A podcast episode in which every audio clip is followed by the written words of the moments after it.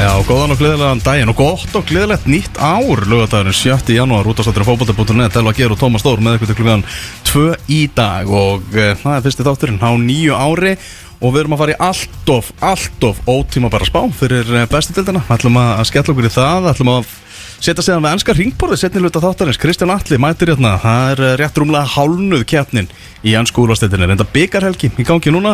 Það er meðal norður uh, slagur, uh, granna slagur, erkifjandunir, Sönderland og Newcastle, það var að mætast 12.45, það er alveg með. Og stemningin sko svo sannarlega að byrju þar, geggja myndband núna sem er að ganga á veraldavefnum það sem að Amanda Stöfli og hennar fólk og þar með stjórnaformaðurinn og eigandinn og þeir eru, þau eru alls sem hann mætt á leikvang Ljósins í Sönderland og fengu vægarsagt óblíðar móttökur en það hata Sönderland ekkert meir í heiminum heldur en Newcastle og hvað fór Newcastle þegar það eru ríkasta félagi heimi Ákvæðlega, ákvæðlega. annars uh, finnst þú nú ekki búin að kveikja þetta mæknum að það er náttúrulega hjartalega ósamála með að þetta sé eitthvað allt of ótíðum bara spá glemir því ekki að mótið hefst uh, 1. apríl Já. eitthvað slíkt.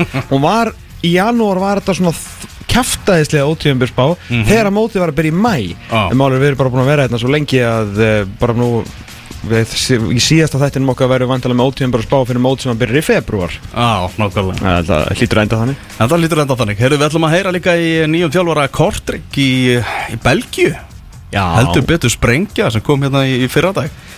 Já, Freyr Alessandursson var um borgarstjórun í Kortvík uh, ætti að verða vægast að áhugavert að fylgjast með því sem er í, er í gangi þar eins og sem allir hafa lesið um það sem er í gangi hjá Kortvík er Já, vægast að skrítið lendu í bandaris, pólskum, svekarrapp síðasta sumarlið um einhverja 14 leikmenn samt frá 18 þjóðurnum, ég náður endar því ekki alveg það er svona starfræði sem ég gengur ekki upp Ah. að hann er að fara í jafnvel erfiðara verkefni heldur en að var í hjá, hjá Lingbæ þar sem að, eh, já, væga sagt verður eh, svona orðað þannig að þeir, þeir saknast í hjá Lingbæ Já, það voru rosaleg kommentin frá öllum og ömmu þeirra sem hafa fjallað um þessa deildu og sem er leiðis náttúrulega líka félaginu sem að skilaði honum eh, til, til Belgíu með, með huggulu og fallu myndbandi líka Já, heldur betur. Þetta er svona mikla tilfinningar í, í spilinu. Þetta, já, svo sannarlega freysi lagt bara sitt á vogaskálatnar og bara sett sitt handbrað á þetta, þetta lið. Þetta var eiginlega bara, þú veist, það var Lingby er bara orðið eitthvað svona bara íslenskur bær í Danmörku, sko. Já, það hendar mjög vel að þetta er náttúrulega rétt fyrir utan Kongsins Köpenhán.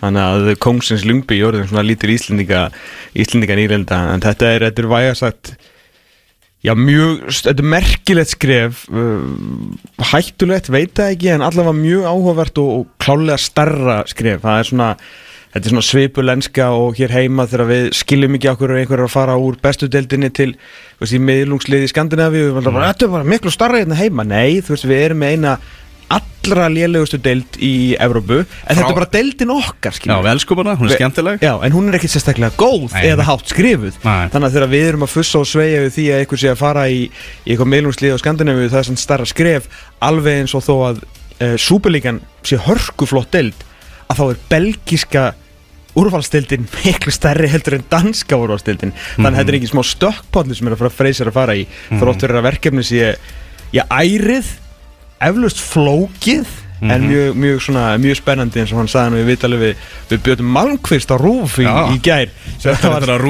Já, það var skemmtilegt, skemmtilegt tvist fyrir þetta er ESB í, í Belgíu. En ekki alltaf með Jú, frá, frá Brussel, hann er bara 1.15 frá, ja, frá, hérna, frá Brussel til, til Kortvíkur. Mhm. að hérna hann var hann að segja að hann hefði mætt þetta klukkan 10 þá kvöldið áður og þá væri bara búið að vera á leikmennalistanum uh, síðan þá, ég spilum betur um þetta. Við, við freysa eftir eftir augnablik en hann viðkendi að það væri íslendingar í spilinu sko. Emmi, heyrum í freysa eftir svona tíu mínútur eða svo. Ætlum eins og er að eh, hefja leik bara á uh, spáni, ótíma bara spáni ætlum að taka svona neðstu liðin fyrir áður en við gerum smá hlið á, á spáni og fáum við ekki smá stefið svona í, á 13.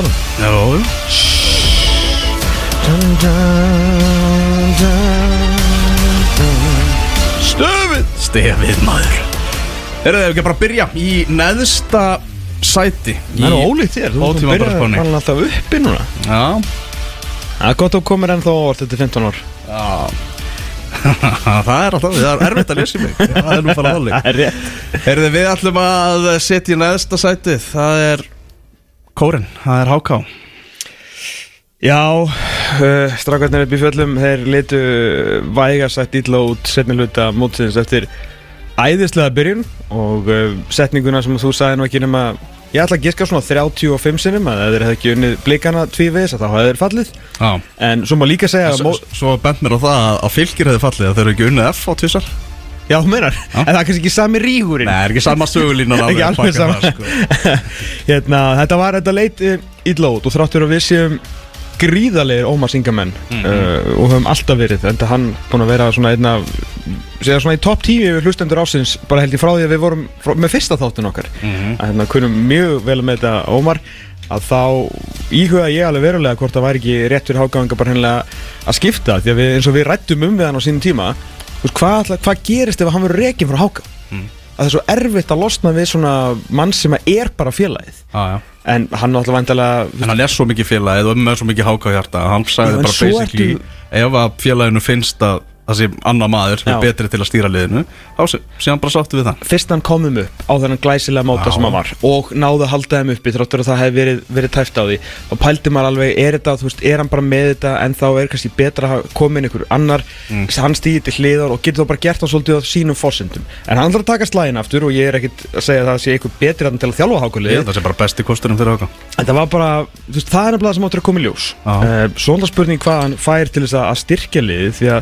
þetta var orðið velmorkið uh, Þeir bara gáttu allavega unni leik hræðileg vörn, markururinn dabur uh, Náttúrulega náðu ekki að skora nú mikið gæðin sem held þeim bara floti Og var bara, ég nánast eina ástæðan fyrir því að þeir fóru svona svakalega á stað Örvar Eggertsson, hann er bara farin, hann fikk bara move hann er bara farin í þetta bestu liðum nei. stjörnuna Mhm. Þannig að hvernig ætlar að Hvernig ætlar að leysa þetta? Hverjir er að koma? Hvað ætlar að gera? Þau eru búin, ekki búin að fá neitt Amit Faka er farin Hassan Jalló er farin Ekki hann hefur verið eitthvað stór hluta þessu En Örvar aðalega farin Og þeir náttúrulega sitja ansi afturlega eins og fleiri liða hérna á botninum þegar kemur að að finna leikmenn um, og náttúrulega þeir þurfa svolítið að býða eftir að hérna, stóru fiskarnir eru búnir ára en þeir fara á stað mm.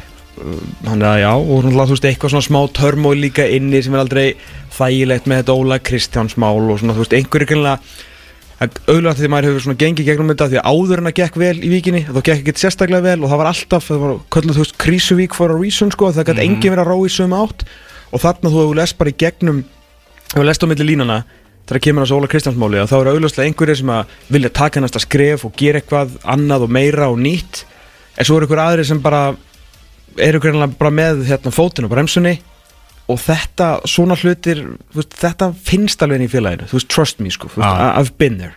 Við ætlum að vera með svona smá þema sem er nýja stjarnan. Ætlum að skoða hver er svona nýja stjarnan í liðinu. Það er engin ný stjarnan komin í leikmannópin þannig að við veljum bara rakka sig sem aðstofaþjálfari aðstofaþjálfari HK Já, ég meina, það, það er skemmtilegt tvist að hann kom í þangað en, en skulum við ekki gleyma því að þessi mikli varnar Jálkur var nú ekki beint að loka vörninni hjá fram eftir hann kom þangað sko. Hann vissulega setti meiri ákefð og, og svona og hjarta einhvern veginn í þetta allan með hvernig á tala og hvernig liði spilaði og virðist vera svona ágætur að, að gefa ungum payum séns. En varnarleikurinn var hörmung eins og hann var svona að einhverju leiti sérstaklega setni hlutin hjá, hjá HK þannig að ég, ég, hef, ég hef stórar áhugjur af, af, af kórdrengjum nýju kórdrengjum á, á þessu tímabili sko. Já. Ég hef áhugjur af eh, liðinu sem er í 11. seti í spánu hjá okkur.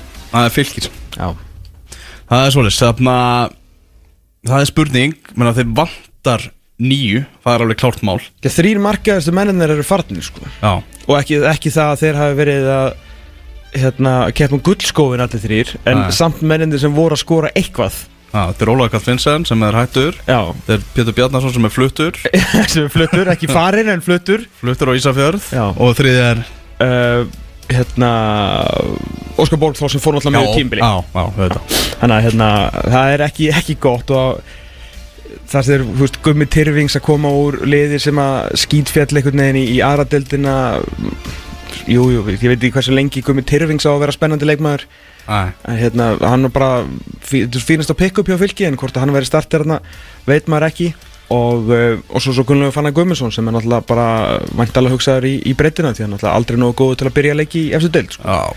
Já Sóknarleikun er resa stór spurningamerki í árbænum Já, varnarleikur líka og þess vegna með, miðjan kannski svona sol- solid með Ragnar Braga og hérna þessar strákar þar Já, svona, og, og svo náttúrulega komin danskur miðjumæður Já, frá, frá færum Uh, algjörlega, sem að koma hérna bara sjálfur og ég heyrði hérna Ragnar bara að tala í gunnarspjöldunum að þetta væri strákur sem er flottur í bolta og svona en, en við, hérna, við höfum séð allt og marga gæja að koma hinga á, á puttanum bara með norrænu og, og fá okkur að samninga og síðan get ekki neitt sko, áruna ég, maður þarf aðeins að sjá hann. Kannski spila hann í dag, nei hann alltaf er komið ára utan hann, hann er ekki löglega vantilega verið 15 dagslis Fyrirliði Selfisinga, Guðmundur Tyrfingsson eins og segir, hann er, hann er mættur og við veljum hann nýju stjórnur í, í árbænum. Suðurlandsins eina von. Arilíus Martinsson Já. Já, ég veit ekki hvort að hann verði einhver, einhver stjarnaði, ég finn þú frekar svona giska á að einhver af þessum strákum úr úr árbænum myndu taka þú veist, eitthvað svona skref. Mm -hmm. Nikolás taki skref uh, jafnvel einhver nýr Óskar Borgþós eitthvað þannig, ég meðist að miklu líklega heldur en nokkur tíma að gummi tyrfings að ég vera alveg heðalur Já, það er alveg, alveg til í því sko. Mm. En það er málum bara með fylgislið að Rúnar við höfum sélið eitthvað en svona hanga uppi. Hann getur ekki öskrað á upp í 27 fyrir á nýtt, þú veist, er verða að styrkja liði þetta, þessi þessi fókbaltarbusiness bara gengur ekki. Þa, það er bara þannig, veist, liðið er bara ekki náðu gott, veist, það var hrikalegt hjarta þessi fyrra. Uh, trúin sem að Rúnar setti í hópin vantalega sko flutt fjöll, ég menna þeir náðu að halda sér og heldur sér líka með stæl hann undir lokin, það voru alveg að segjast. Mm -hmm. en þetta er bara allt og líjandi þegar þú ert ekki með bara mannskap til þess að taka stáðu verkefni þannig að ef þeir fari ekki að bæta eitthvað í að það bara falla þér Það er bara svolítið, það er bara svolítið Serðu þið, það er nú búið að vera þannig núna undanfæra nára að nýluðunum hefur nú bara gengið bísna vel undanfæra nára að halda sæti sínu í deltinu og við erum með það þannig í ótímanbröðsbóni að báðu nýluðarnir halda sér samkvæmt þeirri, þeirri spá. En skagamenn þó bara rétt svo því að við erum með þá í tíunda sæti í ótímabæru spáni í janúar allt of ótímabær en samt ekki eins og Tóm bent á. Mm. uh, skagamenn það, það er peningur, það er eitthvað króat að koma í vörnina.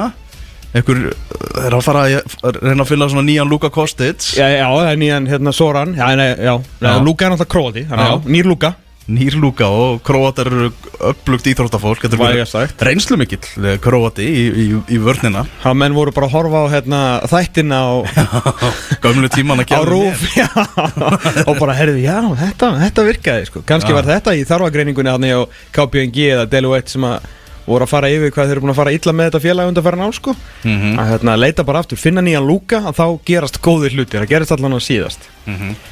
Sko það er, það er strax, sko skagamenn eru, þeir hafa engu glemt sko. Það er bara, árið er ennþá svona 93 til 2003 hjá þeim mm -hmm. og það er alveg sama hversu oft er jói og upp og niður um milli delta, hvernig þið standa sig, hvaða leikmenn spila þarna. Sko trúin er ævintýraleg og það ber að verða. Ah. Það ber svo sannarlega að verða því að alveg eins og við höfum oft talað um þegar þetta liðir í bjöldeld að þú veist þá er þetta bara eins og þú er njúkastlir í bjötild á, hérna, á Englandi. Það er bara alltaf, nánast, ég ætla ekki að segja fullu völlur það er alltaf mestamætingin bæði heima á þeim og þeir eru alltaf með flesta hérna, stuðnismenn sem koma út í vellina nána sama hvert á að landir farið.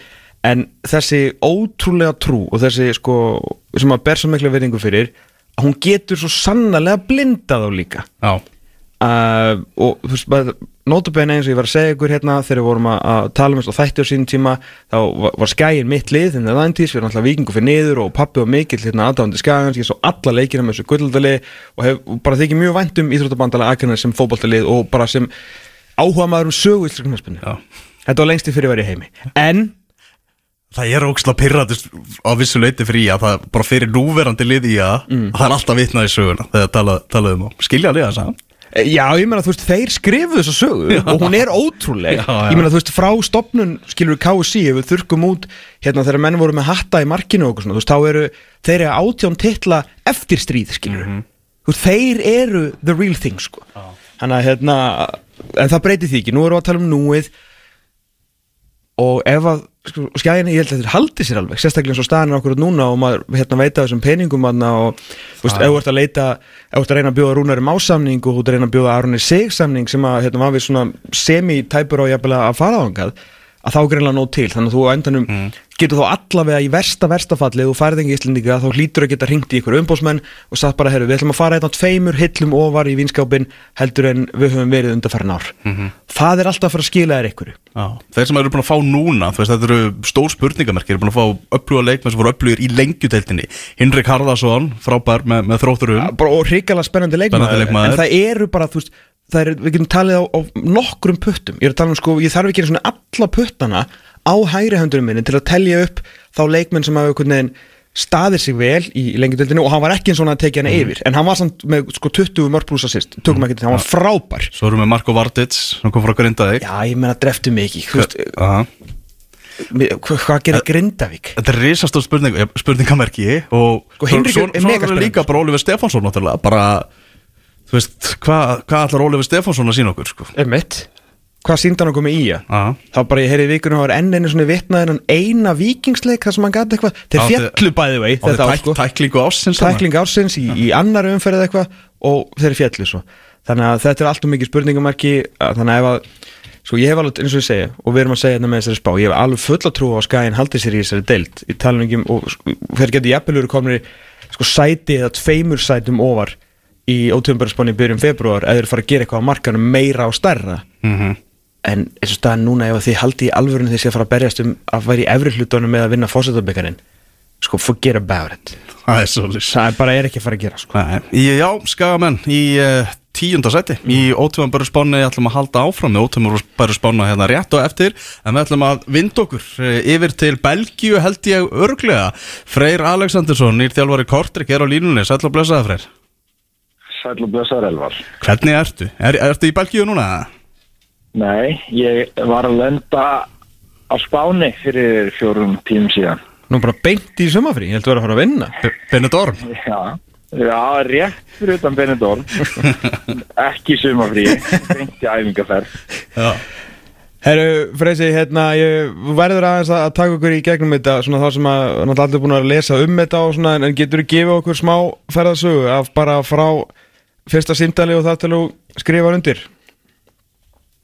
Já, þú byrður ekki lítið maður. Nei, það ger ég sjálfnast Nei, já, það gerir nefnilega sjálfnast.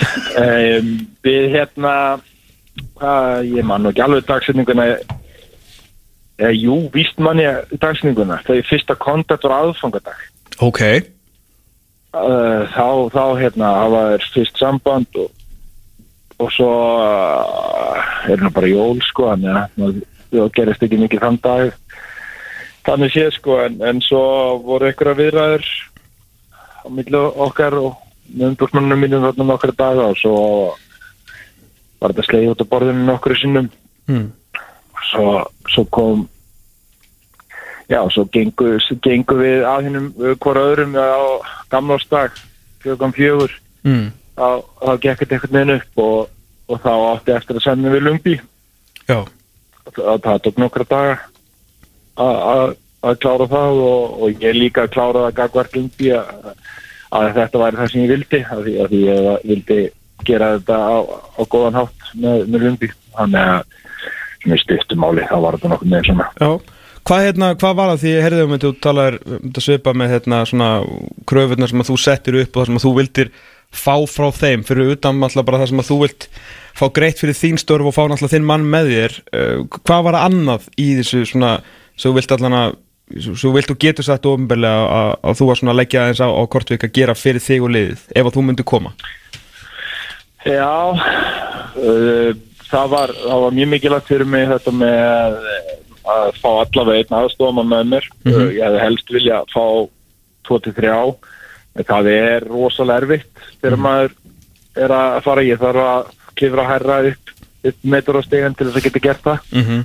Um, þannig að ég er alveg búin að finna það það eru mörg lið búin að hafa áhuga og eiga einhverju viðræðum en, en þegar þau komið að því sem að mér hefur þurft til standa til þess að ég myndi færa mig frá lumbi þá hefur það verið hindrun varandi staff til dæmis en, uh, en Kortrík uh, gekk að því uh, svo þurfti ég að fá að heyra annað heldur en næstu sex mánu uh, hvernig við myndum bjarga liðinu og svo vildi ég ræða worst case, hvað gerist ef við förum niður og hvernig dílum við það og best case, hvernig dílum við það. Veist, þannig að sjá bæði framtíðaplunum eftir sex mánuði tala við eigunduna um, tengslinn við Cardiff hvernig vinnum við saman á milli klúbana fá, fá svo dítilina í því og hvað, hvernig þeir sjá líka svona já, framtíðasinni á mér. Uh, ég líka er búin að læra það að góðum mönnum að ert alltaf að semjum það hvernig, hvernig þið reyka þig. Það er eina svo veist. Já, já, Eh, ég hef endur aldrei verið reygin en, en það kemur að því. Um, og, og ég vil bara hafa þetta upp á borðinu.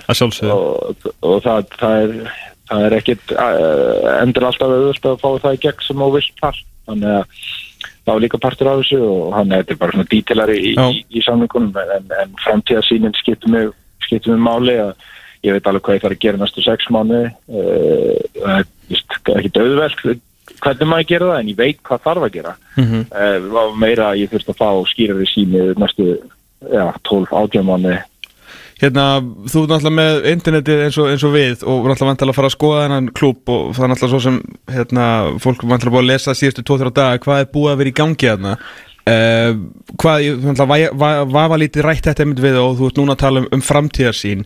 Af hverju heldur það sé núna frekar en þú veist, hjá síðustu þjálfurum?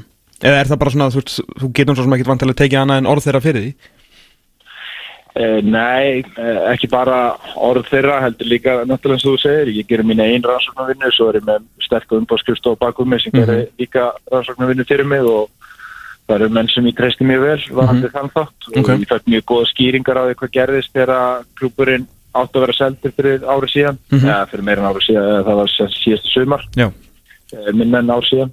Og, og hvaða stefnu klúburinn var að fara þá undir nýju eignarhaldi sem var síðan ekki eh, já, byggt á neinunum á sandi og Vincent Tan tók klúbin aftur og er ekki að fara að selja, nú, selja klúbin, hann er búin að gera það, það sem hann þurfti að gera. Ástæðan fyrir hann seldi Kostrik tengdist, tengdist öðrum málum eh, hérna, tengt Nants á sinni tíma Ok. sem þið þekkja aðeins til. Jú, jú. Það er búið að ganga frá því þannig að hann engi, engi plönum að selja klúpin og ég þurfti að fá statistik á því af því að ég ætla ekki að lendi í, í einhverju slíku sem að þeir lendi í þarna fyrir, fyrir þessum 7-8 mánuðum síðan og það, það var náttúrulega fullt af boltum sem að rúluðu sérni kjölfar á því. Fyrsta lagi tekur svona sala tíma og undirbúningur fyrir það svo þegar hún náttúrulega gangi í gegn þannig að þetta er bara búið að vera síðasta þeim er bara búið að vera skelfilegt. Uh, en á undan því er klúburinn búin að vera gríðilega vel rekin og stabíl úrstændaklúbur og við þurfum að koma klúbunum allavega þangað aftur og, og svo eru stærri plön ef, að, ef allt gengur upp. Sko, þegar ég leita á þetta, hérna, allir svona, hvað, hann bara fara að falla með þetta lið og svona, það eru rólegum, kælum aðeins hérna á pakkanum, þú veist, það eru tíu leikir fram að playoffs, ég meina, í verstafalli þetta koma þér upp um 60 í tíu, eh, tíu leikin pluss úslakeppni og þá getur þér lendi í öðru umspili og ég meina, við vitum alveg að, að þér líður vel í öllum, öllu sem heitir umspil og úslitaleikjum og þú veist, á þínum þjálfaraferli hefur gengið afskaplega vel, bara eins og loka dein núna með Lingby og undir lokin eða sérst loka þeim á síðustu leiktíð þegar ég held ykkur uppi og, og svo náttúrulega þegar þú ert á loka sprettinum í bjöldildinni og svo náttúrulega með landsliðinu og svona horfðu þú á þetta svona, þú veist að þráttur að staðan væri slæma þá, veist, þetta er engin þetta er, er engin döðadómur svo far sérstaklega að þú svona farið svolítið að vera í þínu elementi í svona svolítið bakið upp vegg hérna situation. Já, algjörlega ég, ég sé alveg að þetta er möguleiki. Ég þarf svona að setja fingur á að hversu gott lið ég er með ég er með góða einstaklinga ég, ég þarf að búið til liður þessu Mhm. og hversu hrættin að ég gera það. Það er svona en, en akkurat eins og þú nefnir við, á þessum tíma fyrir árið síðan voru 16 stig upp í að berga mig fyrir falli. Já, Eh, núna, núna er ég 6 stigum frá því að komast í umspilamóti liðunum í deildinni fyrir neðan. Og, og ég klára það umspil, ég, ég vinn úrslutaleiki Mhm. þannig að það, eh, en vonandi ná ennþá lengra það er, en ég þarf bara að taka í, í rauninni lifi ég bara alkoholisti sko, ég þarf að taka eitt í einu. Mhm, ég, það er svo mikið í gangi, það eru svo mörg verkefni eru fram á mig og að ég þarf bara að reyna að setja því rétta röð til þess að ná því besta út úr bæði sjálfum mér og, og svo starfsfólkinu og þar leðandi leikmannunum svona einhvern veginn í þessari röð sko. Já. Meina, belgíska úrvarsdeildin, þú veist, þetta er þetta er svona deild sem er svona, við vitum að henni, hún er samt svona svolítið fjarlæg okkur, þú er aldrei náð einhvern veginn svona festu sem, deild sem er talað um, en ef maður alltaf liðinu er svona kannski svona mjög oft fast í Champions League, en þetta er þetta er alltaf resa deild, 16 liða deild uh, búin kannski svona smá hringlanda hátu með formatið en bara liðin í þessu, Andilett, Gent, Genk, Brugge, Royal Antwerp uh, hérna, Standard Lies í nýjunda sætið, þarna nú alltaf Union St. Gallos orðið, resa lið komið miklu meiri peningarnin kanar sem eiga, þú veist, eitthvað þrjúfjúli þetta er, veist, þetta er alveg hjúts Þetta er það, þetta er, þetta er stór deild með mjög mikil gæði en ég líka alveg sammálaðis við Íslandíkarnir hérna á, á djöflaðinni Mm. við erum ekkit mjög tengdir belgiskum fókbólta uh, allavega ég tala fyrir mig sko ekki fyrir en ég flytti til Danmörku og á, á danska vinni sem hafa verið að vinna í deildinni þá fór ég að fylgjast aðeins meira með henni. Mm einu, einu ástæðan fyrir ég fylgist með belgiskum fókbólta ykkur leiti var þegar íslenskir landslismenn voru að spila. Það. Eh, þannig að við höfum eh, ekki mestu þekkinguna og ég þarf að afla með þekkingar sem til að komast í dítelina deildin ég hafði meiri þekking á dönskum fótbolta þegar ég fór í danska fótboltan Mm -hmm. þannig að ég þarf að ná mér í alla þá resortsa sem ég þarf til þess að geta undirbúið mér sem best fyrir, fyrir leikina núna Já. og, og svo auðvitað alla þá þekkingu sem að þarf a- alla dítelina Einmitt. Hérna, leikmannamál, þú náttúrulega sagði nú bara á rúf núna í, í gæra það væri bara allir ángar úti og með þess að íslendingar á, á borðinu. Ef við vonum á okkur um fréttum bara innan einhver að fara á daga þá kannski þá sérstaklega fréttir sem að skipta okkur ykkur máli? Uh, nei, það er ekki, ekki komið það langt með neitt Íslanding sko, en uh, hins vegar er veist, uh, bæði Íslandingar og lí, líka Danir sem að ég veit að hverju ég geng, ég veit nákvæmlega hvað ég fæ, ég þekki gæðin út og inn. Um, ég, núna í þessu stöðu sem við erum núna vil ég helst ná einhverju inn allavega sem ég veit nákvæmlega að hverju ég geng. Eh, en fótballtamarkaðurinn er risa, risa stór, það er til endalaust af leikmönnum, það er líka til endalaust af, af þjálfurum. Við höldum stundum hérna við frá Íslandi að, að, það, að við séum alltaf best og mest og, og getum alltaf en þetta er bara að hafsjór af fólki sem að er að bjóða sig. Þannig að ég, ég vil svona reyna að velja vel en ég er líka með yfirmenn, ég er með heila deild sem að vinnur í því að finna leikmenn og, og, og hérna, sjá um kaup og sölur og ég er hér millilegður þar mm -hmm.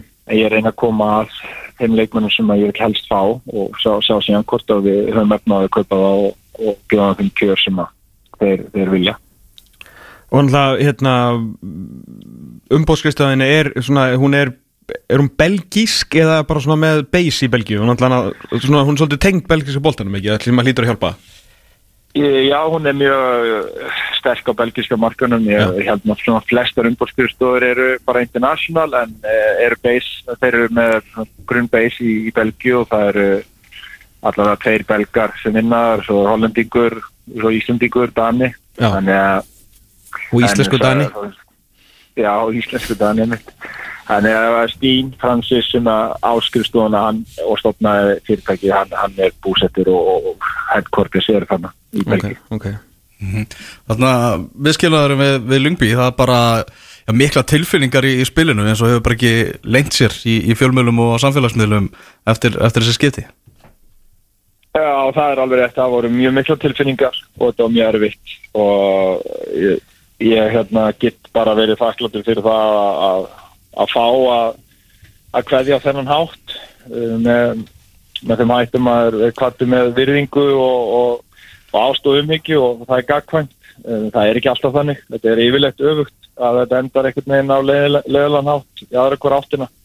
Þannig að ég, ég er bara mjög þakkláttur ég gætt gert þetta og við gáttum gert þetta á þennan hátt. Þetta eru alltaf einhverjir sem eru sárir og svektir og aðeins sem skilji ekki og, og það er bara, maður verður að vera virðingu fyrir því en svona í heldina þá hefur fengið alveg gríðarlega góða móttökur eða, og, og þakkir og, og kveðjur og, og þetta var gert á ótrúlega flottan hátt Þannig ég get sagt að minn tími í lungi frá upphafi til enda draumi líkast. mm og þannig fyrir að þú sér farin þá er, ég held að það sé nokkuð ljóst að Lungby mun að hafa ykkur á augastað á Íslandingum svona áfram með að við gengið að, að, sækja í íslenska markaðin Já, ég held að það sé engi vafi. Ég vann líka alltaf að því að, að skilja eftir eins mikið af mín, minni þekkingu á íslensku markaði inn í klubnum. mm -hmm. Eh, bæði kontakta og, og, og annað þegar, þegar, þegar þekking á íslensku markaði er árið miklu miklu meiri og, og ég, ég er alveg vissum það að já, félagið elskar Íslendinga og Íslendingar elskar félagið þannig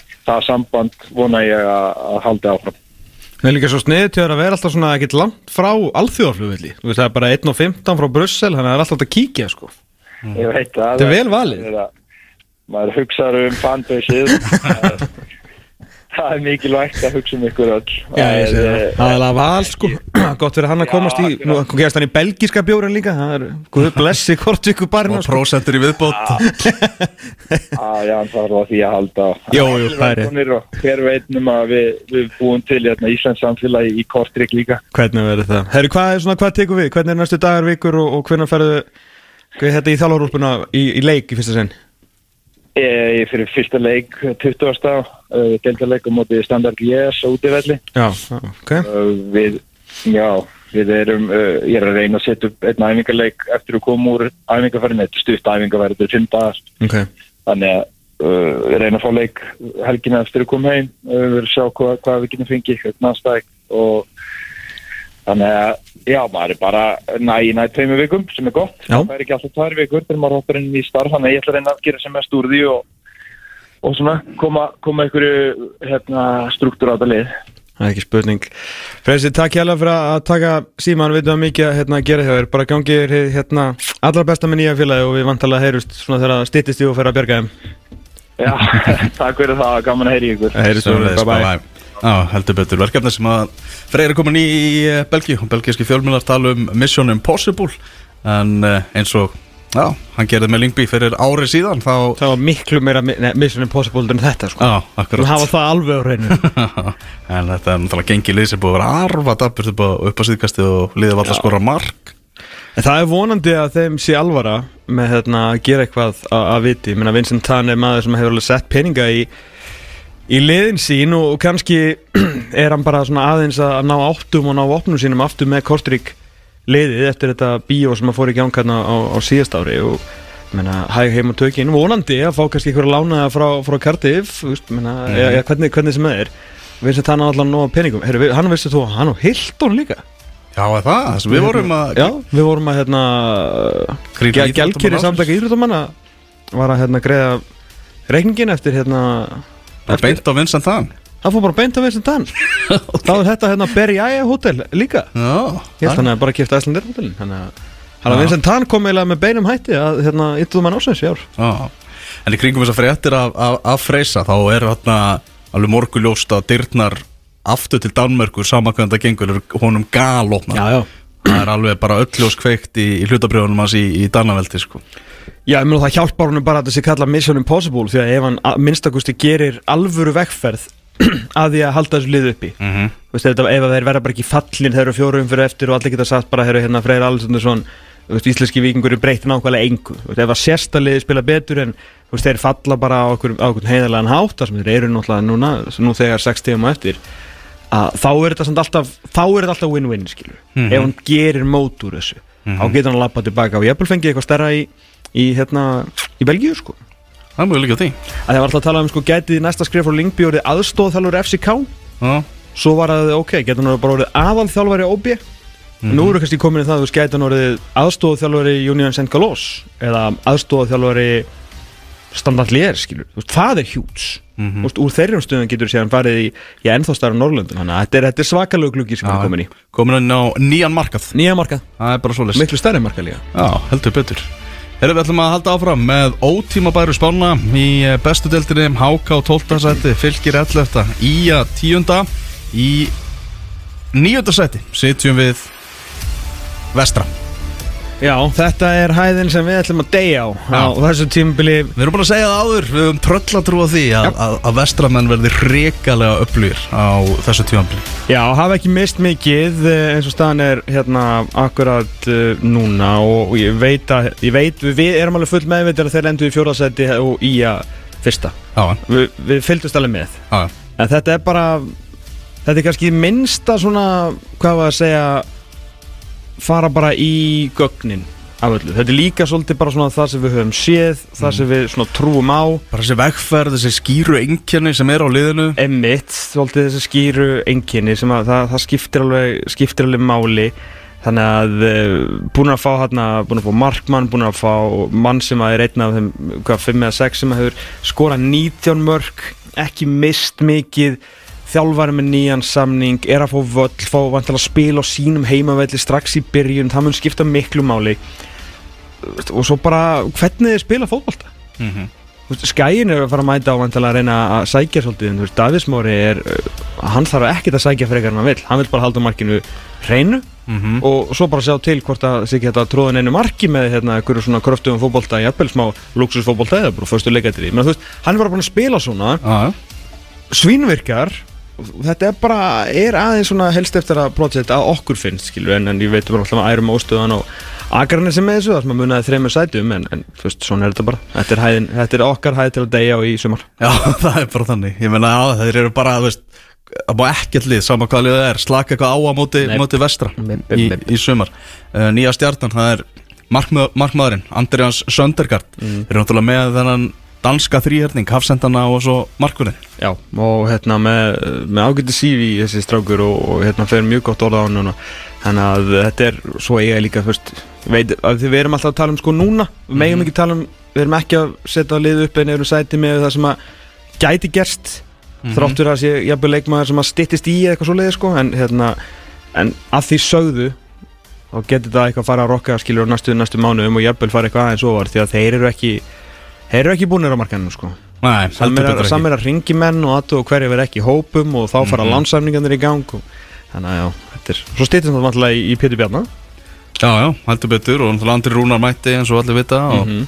Þannig að já, en uh, nýja stjartan er, er markmaður og glemti nýju stjórnuna í, að við viljum Henrik Karlason þar. Já, klálega, klálega klálega Herru, við förum á þá í áttunda sæti í ótímabæra og þar erum við mættir í Úlfarsárdalinn þar sem að Rúna Kristinsson er að halda stjórnatöfumana maður er ennþá einhvern veginn svona að átta sig á þessu. Hann er heldur betur búin að fá inn varnamenn, það var kannilega svona fyrsta skrefi hjá hann, hann var að, að laga til vörnina hjá fram sem hefur náttúrulega mikið verið í umræðinni og uh, Kyle McLagan kom frá þínum önnum í, í Vikingi og svo sótt hann sjálfan Kenny Choppart sinn mann Já, sem náttúrulega var bara fyrirliði káringa og hann vantar að kemur inn þarna sem algjör leiðtói í þetta framleið líka sko, það, þú veist, þessi spá náttúrulega byggir óslega mikið á Rúnar Kristinsinni Hann er ekki mættur í fram til þess að gera neitt annað heldur en að klára þetta tímabil með sóma. Fram á ekki breyki að fara í top 6 uh, enda væri þá vantilega ekkit, ekkit staðan. Og Rúnar Kristinsson er ekki, þú veist, hann þarf að sína okkur það að hann sé eitthvað þjálfverið sem hann fari eitthvað alvöru fallbaráttu. Uh, Eru, þú veist, í á vestri vil betri heldur en fram í dag? Njö, þú veist, já, já, geti alveg eins verið. En þau eru ekki með Rúnar Kristinsson. Nei. því miður. Uh, hérna það var ekki bara hann var að vinna titlana með, með einu besta liði sem eru sett saman síðan alltaf tók hann þetta Íslandsmót bara með, hérna, með elliheimilinu grund með menn sem hafðu ekki kannski gert sumir hverju ekki gert mikið á sínu ferli þannig að hann er búin að sína okkur svolítið allan skalan búin að skila þeim í Evropasæti þegar menn heldur var alveg búnir. Þú veist, þetta er Rúnar Kristinsson. Er enn einu sinni, þetta er Rúnar Kristinsson. Gleymum því ekki. Þannig að eh, með þó hérna þessa, þessa reynslu sem þeir hafa úr deildin núna undanfærin, undanfærin tvö ár þeir hafa tekið þátt í hérna náttúrulega þessu uh, þessu neðra umspili þekkið aðeins meira þú veist, Gummi Magga er aldrei að fara hafa slagur á síðast ári þeir eru að fá hérna hinn frammeirand tilbaka sem að koma undir lokin aftur Elvar. Þarna, hvað heitir hann? Vá, uh, okkur á stóluður mér? Sem beðið var eftir allt tímabilið. Já, og svo koma hann aftur með stæl Já, heldur betur. Já. Hérna, Þannig að þú veist þeir, koma, þeir eru alltaf missa Aron Jó sem kannski skipta ekkert einhvern veginn öllu málum fyrir þá, þannig að þetta er þeir eru kannski svona aðeins í pluss á, á félagskiptamarkanum so far. Og með Rúna Kristinsson þá bara líst okkur svona alveg ágætla á þetta, verður bara nokkuð solid. Já, núna Kristinsson náttúrulega bara ég er búin að minnast á áður. Ég fór á fréttamannafundi þegar Rúna Kristinsson var kynntur sem þjálfari fram og bara sjá hann bara alla í húsinu einhvern veginn ljóma sko Já, líka því að þú veist, varnamennin í þessu liði er ekkit endilega eitthvað eitthva lélegir en þeir voru náttúrulega svolítið að spila kannski fótbolla líka á einhverjum tímbundi sem að henda þeim ekkit þannig að þú veist, þetta framleik kannski fer aðeins meira tilbaka, Gumi Maggur kannski notað meira sem, sem target center skilur rúnar á eftir að, að koma miklu meira skikka á þetta lið. Það verður ekkit jafn gaman að horfa fram undir stjórn hérna Rúnars Kristinssonar og þegar allt var í blúsandi svingi með, með Nonna og, og hérna og Aðalstein. Þú veist, ég get lofað ykkur því. Ég frjálsa flæði. Eh, frjálsa flæði, veist, ég get bara Spuna fótboltinn. Ég get ekki lofað ykkur miklu en ég get lofað ykkur því að það verður ekki af gaman að horfa fram þegar kemur að fótboltanum. En mun fram safnum fleiri stigum og vera ekki í fallbaratu það er miklu meiri líkur á því sko. Jannik Pól. Jannik Pól. Hann er, hann er matur. Og verður vonandi heill fyrir framara Já, Þeir þá eh, bindum við okkur yfir í sjöunda sætið. Liðið sem að rétt mistir af því að vera í efri hlutanum fyrir tvískiptingu. Og eh, þar erum við með Hliðin á frömmurum og Rúnari Kristinsenni eru káringar í sjöunda sæti fyrir neðan punktalínu? Við setja tæmir í gang og hvernig gerhættin hendur í, í X-Files lág okkur eða? Þetta hefur verið erfitt. Þetta verður mjög erfitt. Já, það er óvægt að segja það. Það er hérna Ég myndi segja að það muni eins og stann núna K.R. og liðið sem er í sjötta seti ef þetta á að gerast þá finnst mér markatölu munur á þeim Mér finnst þetta ekki eitthvað svona alveg bara að þeir verða bara í sjöunda Við skulum bara uppljósta þeir strax að K.R. fyrir ofan þá en ég er ekkert eitthvað veist alveg þvílít á, á K.R. vagninum akkurat núna en það er samt ekki alveg sama volaði þar og er búið að vera í Vesturbæri núna Ég veit að þetta ekki vera volaði því þeir fengu nýjan þjálfara en var þetta þjálfarin einhvern veginn sem að sem allir vildu, sem að fólki vildi sem að með einhverja reynslu og að stýra einhver svona stórliði, leikmannamálin í, í algjöru bulli eins og staðin er akkurat núna, náttúrulega Aron Sigur sagði bara að vera viðaskrifundir það er hjúts, Það er hjút það er hjúts Ef fyrir það satt reynist, en ég hitti mann í gerkvöldi sem er nátengdur Aroni. Já, Hann vildi meina það að þetta verður nú ekki jafn langt komið og, og hlaðarstættir voru að segja. Ok, ok. Og, og það væri ennþá þrýr kostir sem að hann væri að horfa til sko, Valur breiðabli káari vantarlega Já, einmitt. Ok.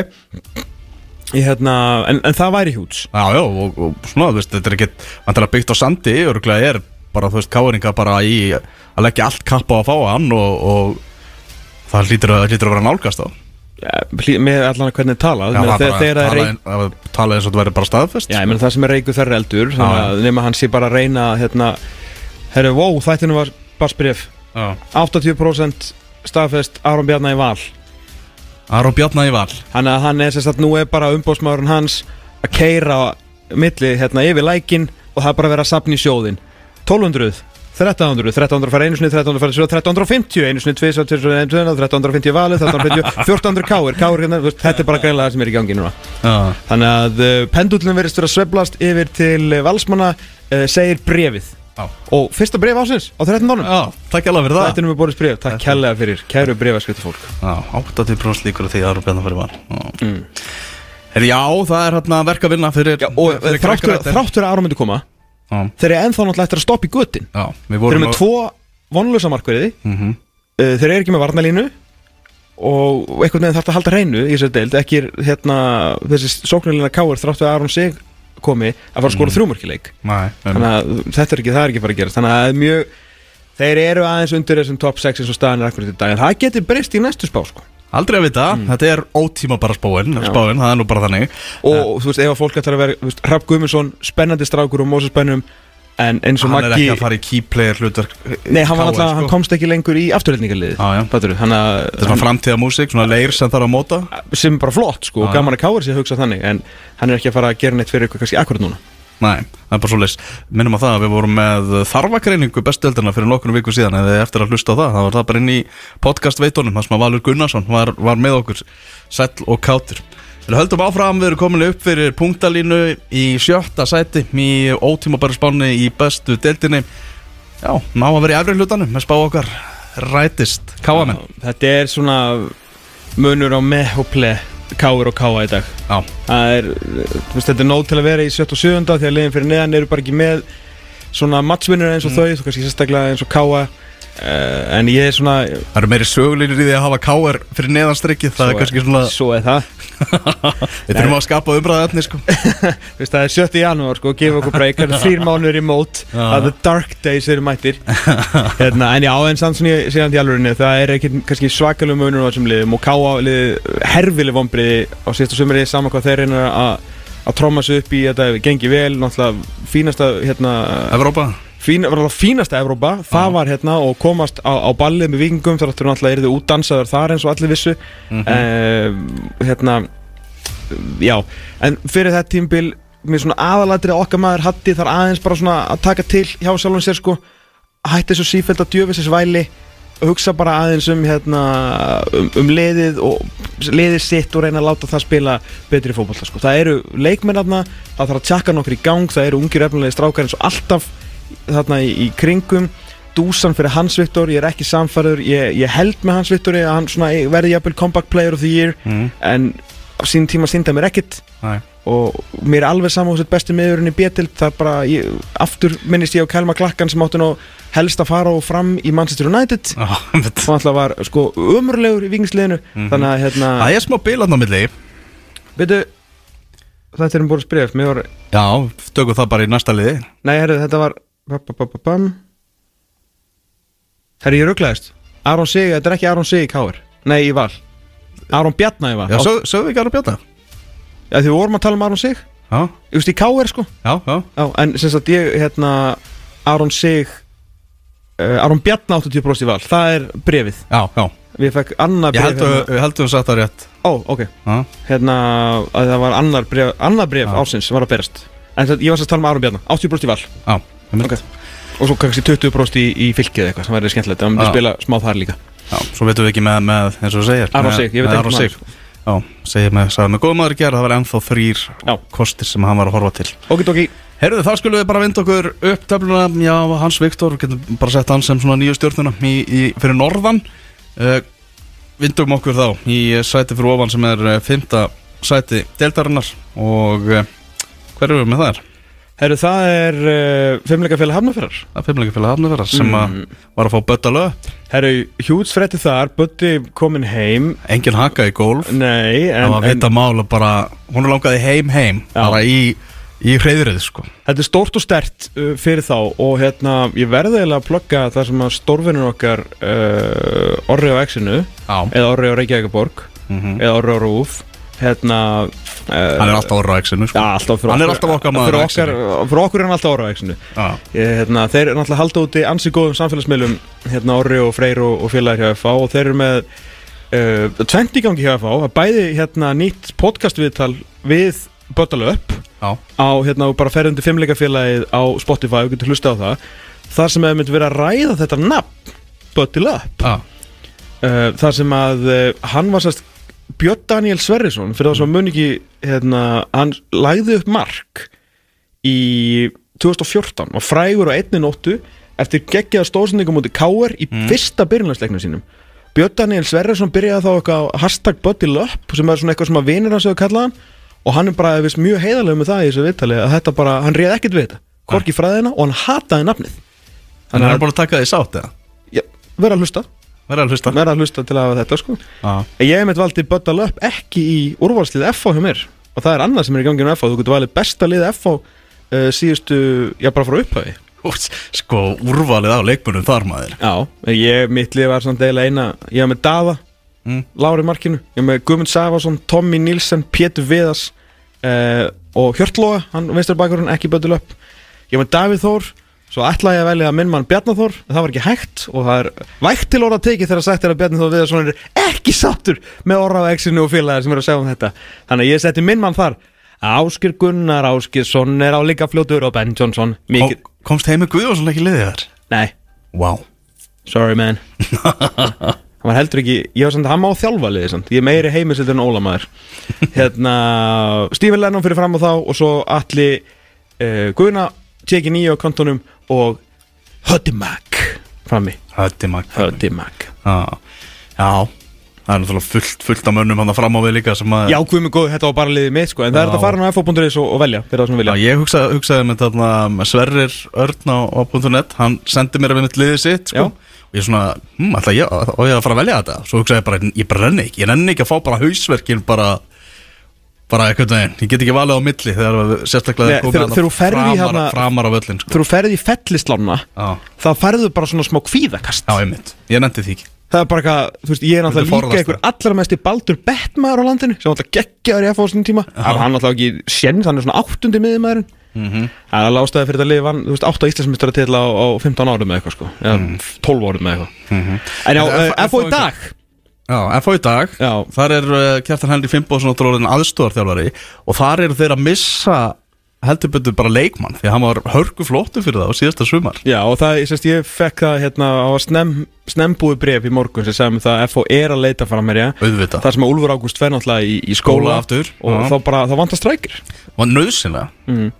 Ég hérna, sko en erum við þá að byggja þessa spá svolítið á því að þeir finnið hennar strekkar Nei, nei, ég er bara, ég hef kannski meiri trú á svona heimi og stemningunni og kulturnum sem er komin aftur lið heldur en endilega liðinu Mm. þú veist, fremstu fjórir þeir náttúrulega eru, við vikingar eru sérst búin að afhenda þeim kindil vonarinnar með að Arnur Borg verði, skiluru, 5 leikmaður í deildinni sem hann hefur hæfileika til en hann hefur bara ekki líkamann í það því hann helst ekki heitt sem er reikalega synd. Að hérna, þú veist, þú ert svolítið að vona að kjartan Kári tekki skrif, þú ert að vona að Vúk verði Vúk, ég meina hversu lengi ætlaðu að býja eftir að Vúk verði Vúk, þú veist, og, og Vúki í 27 fyrir, Úlfur fer þeir eru ekki með strækir en síðan þú færi hans aftur á völlin Björn Daniel, Logi, geggjaðir. Bötti Löpp, geggjaðir, Hötti Að vera upp á sitt allra besta, ég er ennþá ekkert sannfæður um hérna uh, Óla Guðmundsson. Mm. Veist, ég er svolítið að býja eftir hann sín með veist, þeir eru mjög ánað með hann sem er alltaf skiptir miklu meira mála heldur en ég sé ánað með hann. Og svo bara hver eru í markinu í það Mhm. að hérna, þú veist, verða sindri eða verða daði? Þú veist, þeir voru nánast með tvo varamarkverði á síðustu leikti Já. þannig að, já, ég vil að er, þetta er svolítið byggt á heimi Guðvarssoni já, bara það sem þeir gerðu, þú veist, þeir voru bara flottir á síðustu leikti Já, og voru undir bara stjórn heimis undirstjórn heimis þannig að, hérna, og bara markaðan þeim er bara fýtt, nema þeir eru búin að fá hérna Arnór Borg alveg yfir, búin að fá dúsand, þú veist, þá búin að leysa þess miðverða vandamálin, við getum ekki jafn mikið skammað á fyrir að vera dabirir með, hérna, að vera með fáa miðverði þegar loksins konum miðverði Mhm. og, hérna, og kjartankári komið líka, vissulega skelfilegt fyrir þá að missa Davísnæði, Mhm. en það var samt ekkert að fara að lifta þeim eitthvað upp fyrir næsta lið og þetta, var, þetta lið er alltaf betra heldur en K.A. og K. er í dag. Mhm. Eru þetta að vera að berast annað bref Jesus Christ maður, hvað er að gerast? Augmundur er með tilbúð á borðinu frá Káar og þeir eru að leggja allt í sölurnar til að ná í hann Samtalið er virt. Ok, þannig að staðan er bara þannig að, að hérna, milljarmæringurinn geð ekki sem var að bjarga þeim fyrir að, og félagar, eh, þau eru bara komin á stað núna. Búin að opna veskið. Það er bara búið að opna, hérna, það er komið svona, hvað heitir þetta, sjóstreymi, sjóslína, lánalína, bara mætt og nú er bara að fara að dælin Já. En svo er þetta líka eins og Dominó, að þú þeir ringi augmund og segja bara, herri, við borgum þér hérna bara hvað sem þú vilt. mm. Kotti markið hjá okkur. Koti markið hjá okkur og hann segir, betur, herri, á ég að spila hérna fyrir aftan, uh, hérna, hvað heitir hann, Lukas, nei, það var svona Arnars hann Lukas Magni, já, Já.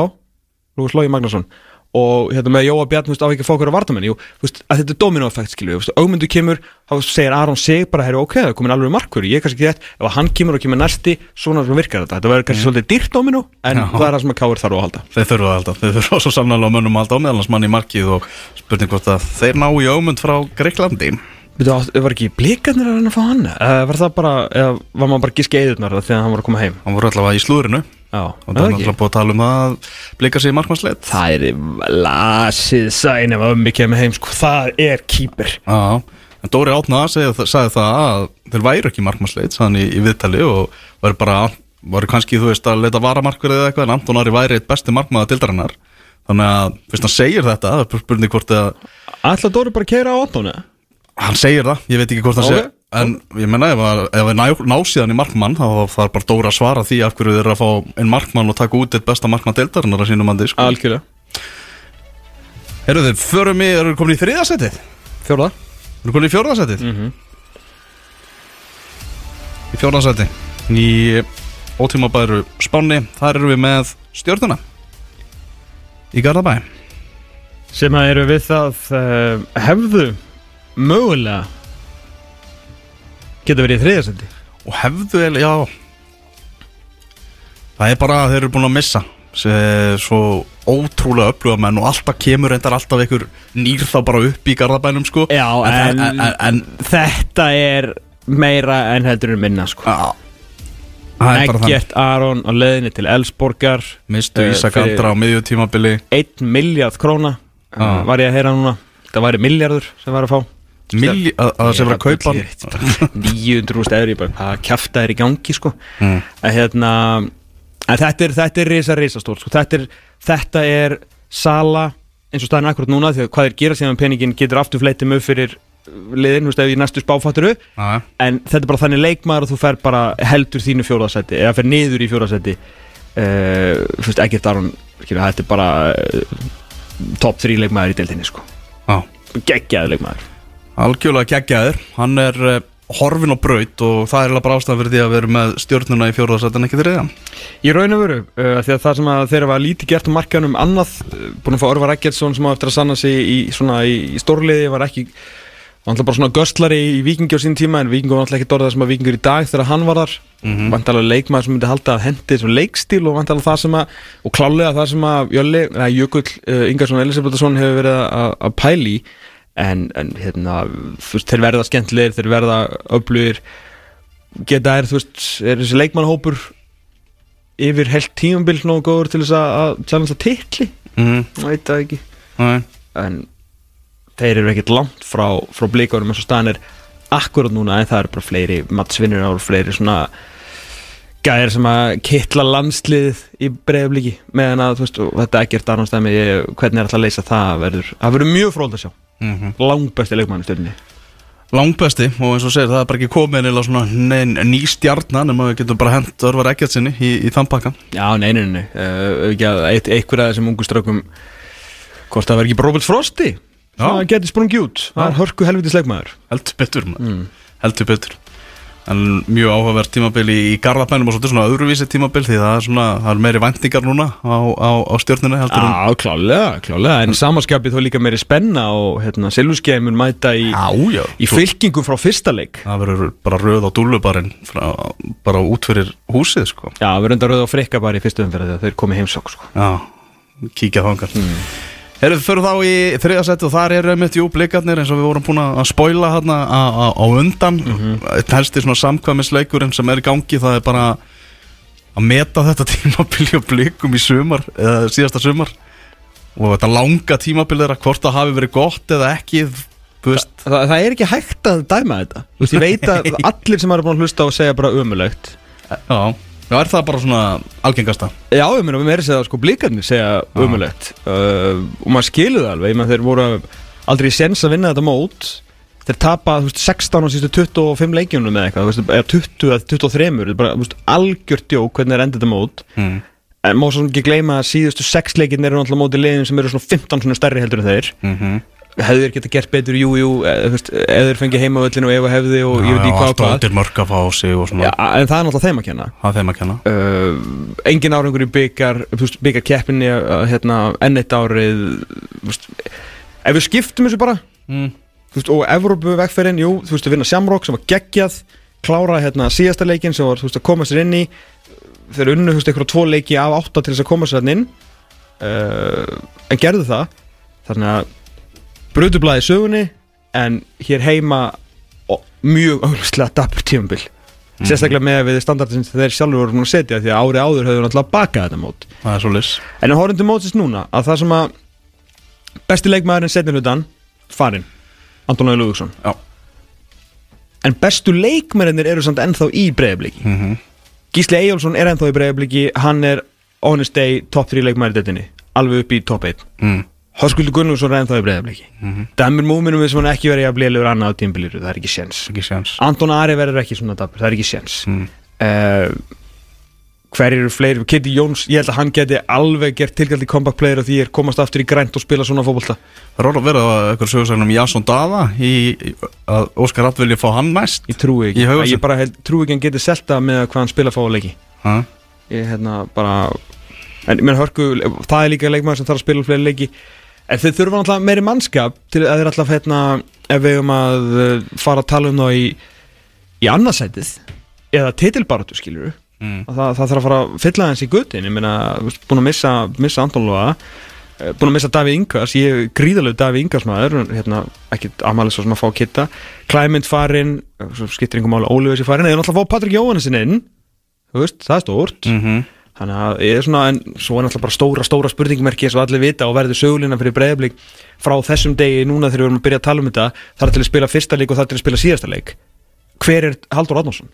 Já, Það er bara spurningin Já, já. Við minna Óskar Raff Þorvaldsson sínd okkur bara frá fyrsta degi að hann væri næsta, þú veist, hérna next big thing í þjálfunum í Íslandi og Mhm. síðan kom Arnar Gulluðsson og fór samhlega honum í því en, en hann er komin út, ekki Arnar þannig að en glemum því sem maður sem er búin að standa við hliðan honum allan tíman er Haldur Adnarsson Mhm. en hver er Haldur Adnarsson? Er Haldur Adnarsson Haldur uh, Óskarsson? Er hann bara alltaf að gera alltaf sama? Alltaf hann að vera sin eigin herra? Voru hlutir sem hann langaði að gera sem hann bara leiði Óskar að stýra því Óskar var hann Mm. verða það ef hann fyrir breytingar, verða það ómikla breytingar Mhm. það er ekkit grína að alltaf í skóna hans Óskar Sapp Þórásson Nei, það, þetta er stóra spurningum bara eitt stærsti karakter í, sem íslensku fótbolti hefur bara fengið síðustu ár sko. Já, bæði sem leikmaður, þráttur hann var bara 20 Já, einmitt. algjörlega styrlaður en frábær leikmaður. Og síðan þessi þjálfari svona nett styrlaður en frábær þjálfari. Já. Nýja stjarnan er gamla stjarnan Kristinn Jónsson sem kom frá, frá KR sá, sá reynslu mikli leikmaður.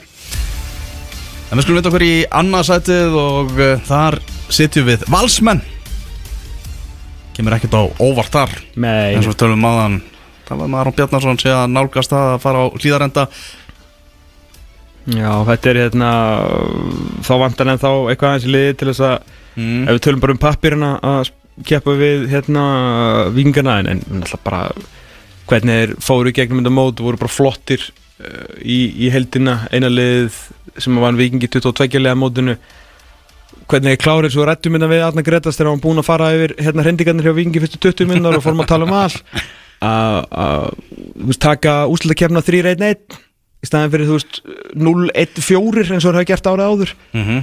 varum bara búið að setja nýja standarda og aðra standarda með, með hörku, hörkulið og þeir verða klálega miklu ja, klálega, þeir ætti að vera miklu nærvíkingunum þeir eru ekki að fara að vinna þetta aftur með 14 stigum ég trúi þínu ekki Mhm. en þeir eru skur ofar um breyðablík og valur eh, hérna breyðablík og stjarnan í dag og einhverju kannski hálfu skuri fyrir neðan viking Mm. Fróð að sjá svona hvaða hlutverk þessi svona ungu strákar sem er ná í Bjarni Guðjón frá Þór, Gísli Lagstall og, og Þorstein Aron frá Já, þú Selfossi. Valsænið er ekki ennþá komið, skilur Nei, en það getur verið Aron Bjarnarsson Það getur verið Aron Bjarnarsson, klálega og ég hafði eitthvað meira til en liðið er ekkit hérna, þá vantar í breyttina vantar á Haug Pál þeir náttúrulega mistu líklega besta leikmenn sem síðustu leiti í hlinn, hann er farinn.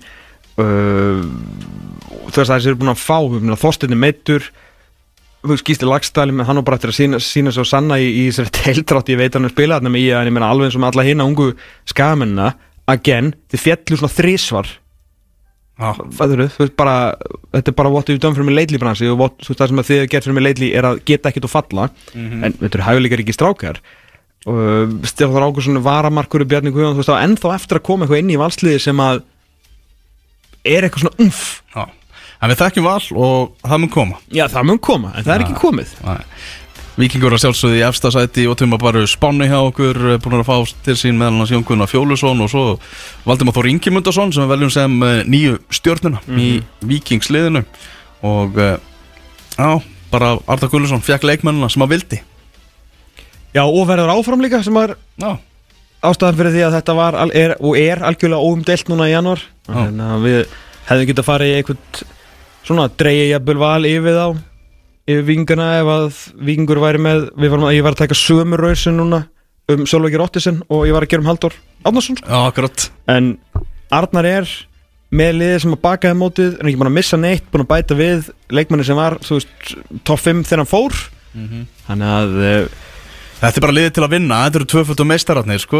Já, já Þetta er liðið ásins í íslenskum íþróttum já, já, og með Já. þjálfar ásins Með þjálfar ásins í íslenskum íþróttum. Þannig að það er bara þannig, það er ekki oft sem maður er í ótíðum spánin einhvern veginn með, með liðið sitt bara með höfuð og herðar yfir hérna en það er staðan bara 7. janúar er það bara þannig? Ég, með þess að ég hérna svo neikvæði að vera að setja með það. Já, já, það þurfti ekki einu svona umræðum það hvaða að vera í Nei, nei, bara maður byrjaði þar og svo bara fór maður að vinna sér niður. Það er bara þannig Og til maður bara spá fyrst svo fyrsta Hún er hér að baki En uh, þætturum er hverginari lokið Því Kristján Alli mættur í hús.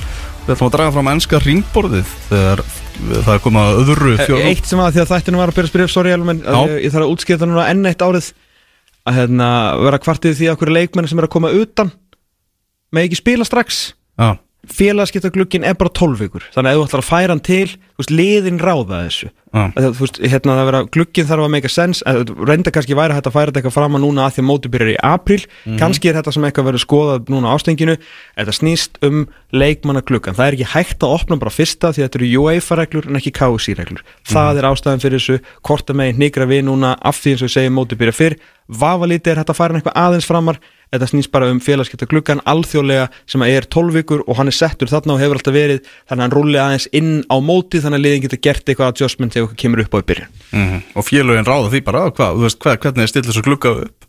En nákvæmlega. Það er bara þannig, en við þurfum að fara eftir alþjóðlegum reglum Það er. Það er bara þannig Áframheldur út að státturinn fótbolti.net hér á X977 Elvar Geir og Tómas Þór með okkur og Kristján Atli hann er mættur hérna okkar sérfræðingur um ennska boltan ætlum að það komi að öðru fjórðungsuppgjöri deildin rúmlega hálnuð og uh, það er búið að vera skoðanakunnin á fótbolti.net hverji verða englandsmistarar og uh, aðrir í þeirri skoðanakonun fengu 11,56% svo erum við með Arsenal 17,24% Manchester City 32,38% en topplið deildarinnar í dag Liverpool, það eru flestir sem að eh, hafa trú á þeim 38,82% og þá spyrir maður bara er tillin ykkar í ár, Kristján? Uh, nei, Þú meintir þess að það svo ætlar að segja að flestir sem að horfa á ennska boltan á Íslandi og lesa um hann halda með Liverpool og smeltu á Liverpool. Þegar þetta sé ekki drámt skilur en þá er þetta við skulum samt hvað ætlum spaða þetta er eins spaða og Jim Carrey í lægi lægi eftir hann er að reyna að ljúa sko. Hérna, þú veist, maður mað horfir á svona blue. og músin bara hlýði Já. sko, maður reynir að fara á City af því að það er rétt að svarið. En músin hlýði ekki og maður, endur að smetla Liverpool og svo fer maður grátandi inn á klósett sko. hérna, nei, nei, þú er ekki trúa? Uh, ég meina miðið möguleiki og allt það. Það eru þrjúlið sem eiga möguleika. Ég, ég ætla að gera svo træfur að tala ekki um, um Aston Villa. Vonin hjá Arsenal er ansi veik. Og við getum kannski farið yfir af hverju. Ég myndi segja að Liverpool vinnur þetta ekki af því að þetta er nýtt lið og við erum á season 1 af þessu, svona, þessu soft reboot hjá Klopp. Og það er afskaplega stert ef að Liverpool, ég myndi til dæmis, ef ég ætti að gæla við eitthvað þá myndi ég gæla við uh, úslítalíki Európa-deildin í Dublin, Liverpool er náttúrulega mjög stórt félag í difflinni og, og það verður mjög gaman að komast í þann leik. Komast á Wembley, þeir eru núna tveimur leikjum við fullan frá þau komast á Wembley byggar taka meistaradildasæti og vera í þessari umræð því að menn þurfa að fá blóðbræði það er sögulega fyrir utan Leicester City að þá hafa lið alltaf lent í öðru sæti að hann við vinna deildina. Og þess vegna held ég til dæmis að Arsenal væri kannski meira tilbúin í ár en Liverpool af því að þeir fengu blóðbræði fyrra bættu svo Declan Rice og svona við sig. En hérna, þannig að ég myndi segja að það er kannski, Liverpool hefur tapað einum deildaleik síðustu tíu mánuði og það var þessi tottenaleik sem hann alltaf fór í umræðina Já, já. þannig að það er, það er nánast hægt að sitja hér og segja að þeir hafa bara ekki tapað, það liggur við sko. En hérna það er umfram væntingar og þetta gengi að vera efstur um árumóti með þryggjasta fórskot er umfram væntingar. Það er engin leifuplumaður sem maður myndir reyna að halda því fram hann hafi sagt í september að þetta lifur á topnum um árumót en það lítur rosa vel út þó svo að séu klárlega gallar á liðinu. Menn er ekki ennþá að skora nóg nema þeir heiti Mo Salah. Hann er og, sko. og það eru meðsli í liðinu. Við allt í einu erum að kalla hann einhvern uh, vinstir baka út tilbaka á láni frá, frá Skotlandi og svona að því að við eigum enga vinstri bakur og, og erum ansett þunnir í vörnir. Vörnir er búin að vera mjög góð en við erum einum meðslum í viðbót frá því að við erum stórkostlega vandræðin þar. Það er ímislegt svona sem ég held að muni svona aðeins fella Liverpool næstu tvo mánuðina. Ef við erum ennþá í fyrsta sæti eða fyrsta til öðru sæti og eitthvað annað lið en sitt er í fyrsta sæti fyrsta mass þá, þá skal ég skipta um skoðun og fara að taka þetta alvarlega. En þanga til þá er ég svona aðeins að býða eftir að komi erfið kaplin hérna vondi kaplin eins og tölum með mér handbóltanum Það er janúar. sem, sem að svona fellir þetta niður í og annað til þriða sæti verði niðurstaðan sem að stillir okkur mjög vel upp fyrir að kannski styrkja hópin enn fyrir ekkar í sumar og gera allugun á næsta ári. En en ég get líka sagt ef ég ætla að rökra ef sjálf mig ástæðan fyrir því að Liverpool getur unni titilin og mun mögulega vinna titilin er ef þetta sittili heldur áfram að vera með þingu Nei, Þegar þeir eru þeir hafa ekki, þeir eru ekki með alveg verið þingu sjálfum Þeir eru bara KTB og Hollandlös Já, sko. þeir eru þeir eru Þeir náttúrulega eru að koma í, tilbaka.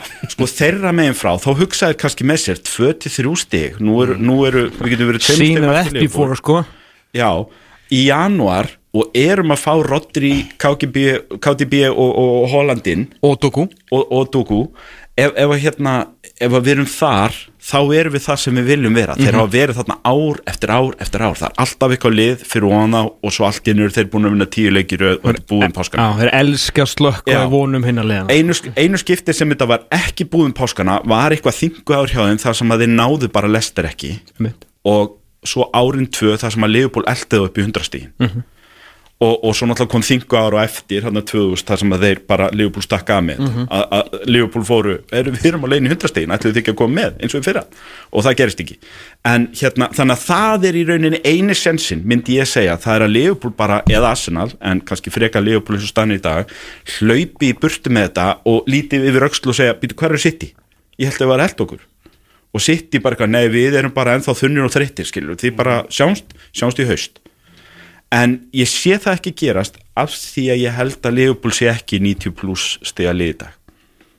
Ég kannski svart sinni, kannski glasi hálf tómt hjá mér, sitjandi hérna með þryggjastega fórskot á tóknum, en ég er ennþá svolítið að býða eftir vondakablan, hann er ekki komið finnst það þetta er umfram, umfram vendingar Ég, ég verð að samanlega þessi umfram væntingar því að mér finnst sko salageggjaður eins og alltaf Ég meina, Darvin Núnes getur alltaf keft sér mark eins og alltaf en það alltaf, gerir allt annað stórkost Ah, bara frábær. ef þessi maður fer að skora fótboltamörkin þá erum við bara í draumalandi Ah, ekki spurning, en, en so En hann far, það ekki, bara ekki nóg. Hann það bara ekki. Díaz ekki, þú veist, ekki, við stum að þetta er engin svona steady haugur af mörgum eins og Bobby og, og aðlaðsati og manni skilur voru að gera.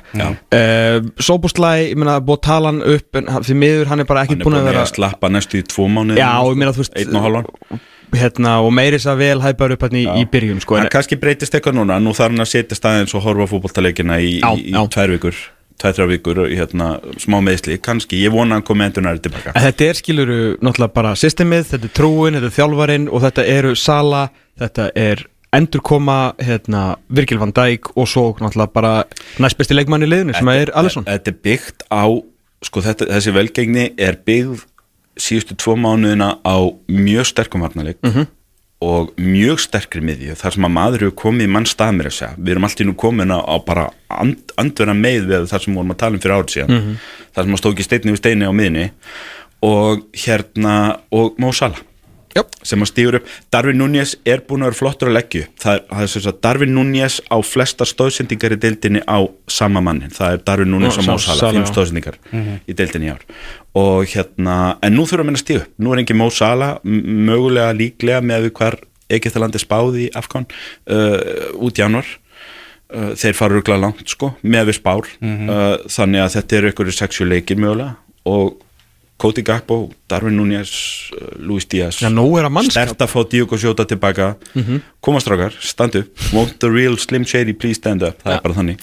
Hvað segir okkur, hérna, hvernig horfðu þú á, á þetta Arsenalið? Var hérna Hvað vantar? talandi um að skora ekki fótboltamörk. Á, þetta er ekki ég, ekki gott. Hérna, þetta er erfitt og það er eitthvað að því að þeir eru í grunninn með sama sóknarlegu í fyrra.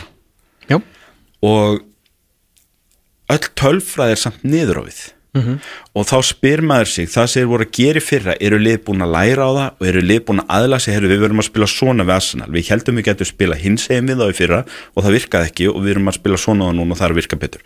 Það gæti verið eitthvað svoleiðis í gangi og Arteta þarf þá kannski að finna nýjar lausnir og það er kannski bara work in progress sem að gæti hindra þá í að fara allavega í ár því að þeir eru bara með allt annað, þeir eru með sterku vörnina þeir eru með flotta fótboltan, þeir eru með karakterinn. Þetta liðar að skora flest mörg allra á síðustu 15 myndum, þannig að það eru seglu sigrar hjá þeim eins og Er ekki með næst flest á eftir ykkur? Eða eru Leopold nú Já, næst, ég veit ekki, getur verið. Allan að þeir eru, eru þar. Já, þú veist, eru, þetta er á, í grunninn flott fótboltalið, en sko, ég horf kannski til dæmis á Gabriel Jesus sem svona þeirra Bobby Firmino. Það sem hann gerir fyrir liðið er eiginlega ekki hægt að mæla í mörgum og stóðsendingum hann er rosalega flottur spilari þegar þú horfir. Algjörlega. Og alveg og, og, og, þú alltaf þurfa að horfir á þá meðan og ánans uh, þá er hann líkileikmaður það er svona ættesti segir það. En Leopold hefði aldrei unni deildina með bara Bobby Firmino og engan í kringum hann að skora mörg Mhm. Leopold voru með Sadio Mane og Mo Salah til, sem að röðuðu mörgum Og voru þeir ekki allir þrýr yfir tíu í fyrra? Mér minni það.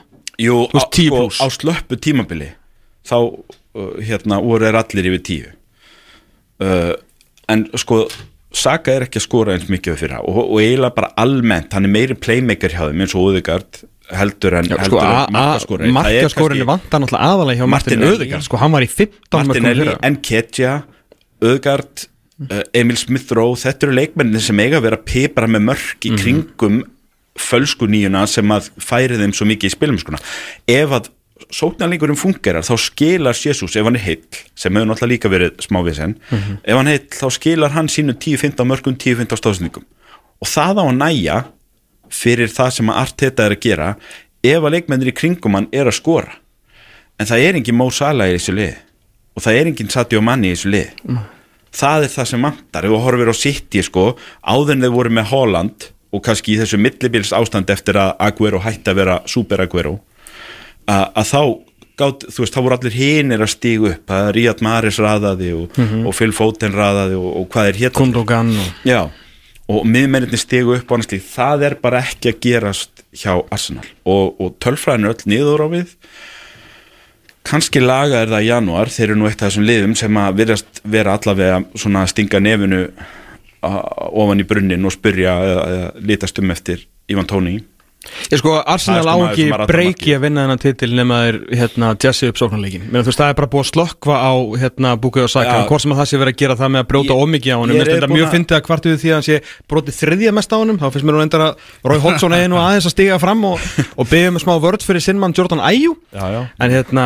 Tölfræðin er tölfræðin Ég meina hann er með 6 mörg og 7 stóðsendingar sem er ekkit amalegt á þessum tímúti en við vitum að geti verið meira. Það sem ég, hef, það sem ég sakna er þessi þrýhetningur á milli Öðigard, Ben White og Saka Mér finnst einhvern veginn hjálpin vera minni eða þeir leita minna í hlaupinu og Ben White Ég held að menn séu líka bara búin að átta að því. Það eru allir búin að Arsenal Já, þetta. góður. Og, tímabil. það er allir líka, búin þá að er líka það mistök kemur hjá. Arteta og Edu að kom ekki strax inn með eitthvað. Að alltaf bara treysta á að ef að vera eitthvað meittur þá kemur bara Eddie Nketiah og Leandro Trossardin þetta er bara ekki nóg Nei, það er allt of góð lið í þessari Þú deild. veist, þetta er nóg í mörgum leikjum þegar þeir eru að skora seint í leikjum þegar hann er búin að gera aðlaganir innan leikja. Mhm. en það er kannski komin spurning um að leggja upp með eitthvað annað en það sem er alltaf að hlaupa vekk því að þeir eru líka að skora þessi mörg seint í leikjum af því að þeir þurfa þessi mörg seint í leikjum. Sem segir okkur að það er miklu oftar í árheldurinn í fyrra sem að þeir þurfa sigumarki í lokin. Þú veist, sem þeir eru í vandræðum þeir eru komið á loka, loka 20 mínúnar og, og það segir okkur kannski upplegið er ekki en stert eins og það var í fyrra. Hver, hver sem á, ástæðan er hvort það eru leikmenn sem er ekki að ná sem hæðum með fyrra eða hvort að þetta er hreinlega taktík sem menn eru búin að læra á eða hvað það er, þá þú verður að halda þessu fesku. Það er það sem engina, því að nú erum við búin að fá hérna einhver 7-8 ára klopp og gardjóla það sem enginir þá er það er árangur áfram ekkert stopp. Það er alltaf verið að koma með eitthvað nýtt það er alltaf verið að breyta. Það er, það er meira sér ekki dvali við veist, við erum hérna eitthvað bara sjó Cancelo er frábær og klopp, nei og gardjóla bara nei, ég þarf hann ekki lengur, ég er að fara að gera veist, hann. var ekki bara frábær, hann Og var bara leikbreytir í sinni stuð, hann var bara fremsti maður, það skildi enginn hvað hann var að gera, sko. Þetta er eins og, þetta er eins og þegar makinn kemur til maður og segir ég var að kaupa annan bíl, já, við vorum að fá þennan, hann er frábær. Já, nei, áfram, Áfram. næsti bíl, áfram, áfram. Skilur við, fólk er búið að fólk Það er veit í hvernig bíl. Og, og það er það sem Klopp og, og, og kannski helst Guardiola sem er náttúrulega kannski öðult fyrir hanna því að hann, já. hann fær alltaf blank check þegar hann vil gera breytingarnar. Það er ekkert margi sem geta leift sér að lána Cancelo og sækja tvo dýra í staðin en, en, en hérna En það er samt hægt að finna lausnir innan leikmannhópa, þú getur hliðra aðeins til, þú getur farið í þryggja manna vörn í einhvern smá tím, eða hvað svo gerir, þú farið í einhvern svona, þe- hann, hann hefur verið að reyna með til dæmis að sækja Sinchenko, uh, það gengið stundum, stundum ekki, ekki nógu vil upp á síkasti að vera með hann í svona þessari trendrullu, þar sem hann er bakur sem sækir inn á miðinu á að vera playmakerinn. Menn eru bara greinlega búin að læra það, þá spurning, hvað aðra lausnir er átt þetta til? Og hérna, við erum ekki að sjá það ennþá. Nei. en uh, þetta er svona aðeins að dala. Þetta er ekki gott.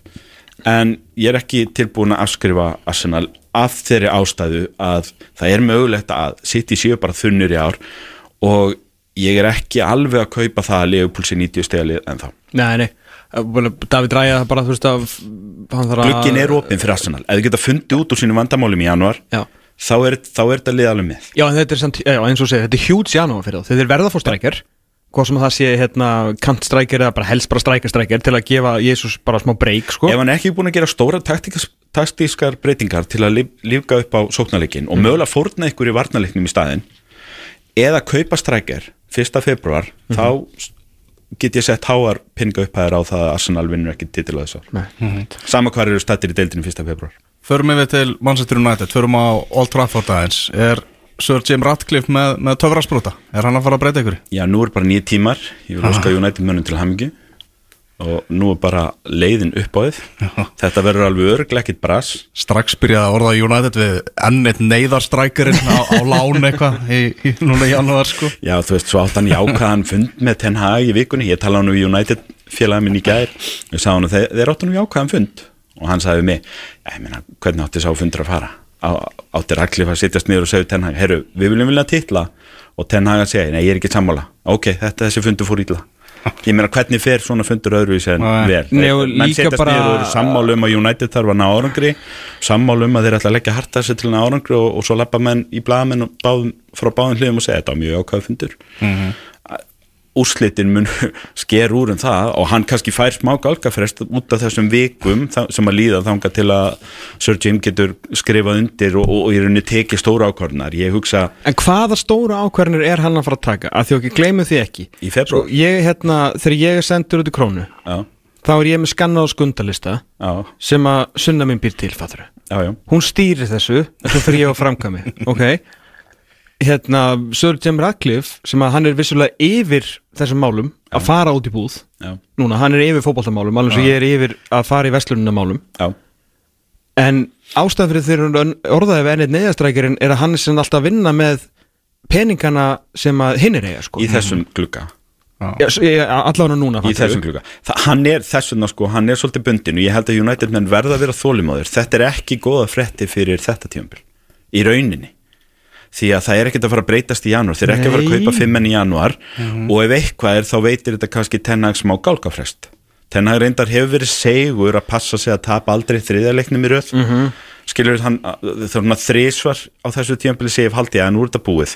Af því að þeir eiga erfiðan leik næst og þetta búið einmitt. en svo næra hann úrslit það, hann næri jafntöflið á Anfield þegar allir byggust við 5-0 tapinu og, og, Já, og já, reysu einmitt, passanum einmitt, skilur hann, hann nær þessu. Nær villadótinu og svona. Það getur vel verið að það getur vel verið að menn segi bara að, veist, þetta tímabil má bara fara út í hafsuga og Ten Hag er okkar maður fram á vorið.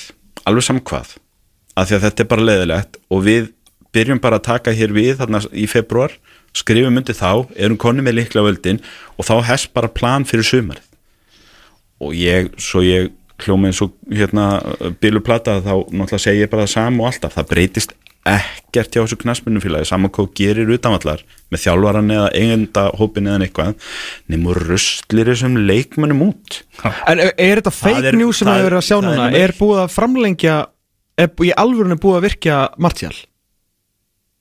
Ég trúi því ekki. Nei, þú veist, þetta er þeir virkiður Lindelöf Já, sá ég í ég- vikunni. ég skil það bara, ég skil er það, að það er verið að hanga- venda fa fasteigna í Já, raun. Já, allt, þú veist, skiptir einhver Á máli. Van Bissaka líka.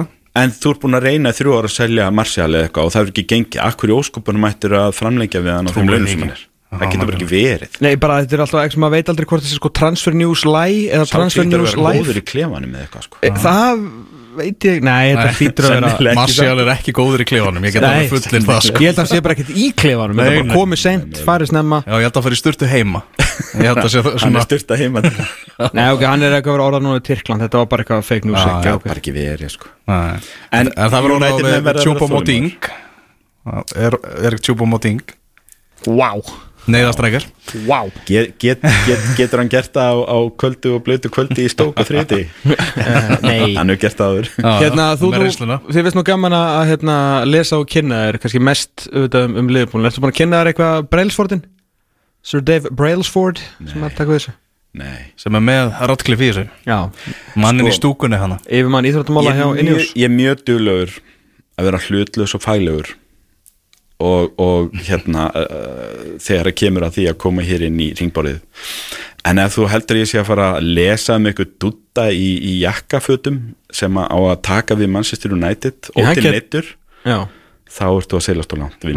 Já ok, það Það er er bara- öðru sem er áður ætla að væri nú að kynna þér málunum ef ég þarf, ef, að, ef að þessi maður byltir ennskri knaspinu þá skal ég lesa greinar um hann Já, og kemur engað Og Ég reyndi að hlusta hérna á podcast við hann. Hann var hérna í Diary of a CEO sem er eitthvað risa podcast á Englandi. Já, að hérna fyrir þá sem vilja. Holy shit, hvað á leðilegt maður. Já, það. ég, ég, hef ekki, hef ekki hlusta á eitt hlaðvarp eða lesið eina langa grein í mörg ár um eigundu Liverpool sko. mér, byrja mér með til varnar þá held þetta væri nýtt sko. YouTube-algoritmi var að bulli mér hann var sérst bara að tala um hjólreiðarnar hann sko. Já, ok. Þannig að ég hérna það var Algoritmin, hann, hann dúpaði því, hann plataði því. að fýblaði mig alveg kjulega sko. Er þykast alltaf að gera þetta á einhverju meiri fagmennsku þegar og þannig kaup- fekk. Tómas áhuga á hjólriðum Nei, herru, það er nefnilega, ég hef nú áhuga á flestum íðvöldum og ég var ofta hérna rífast við uh, við erum með Henrik Böttger um þetta. Þegar Henrik Böttger eins og margir danir er lasin hjólreið áhuga maður og svo rann upp alltaf í júli hérna Tour de Drugs. Já, og þá var hann alltaf, er þið að tekka hérna nei,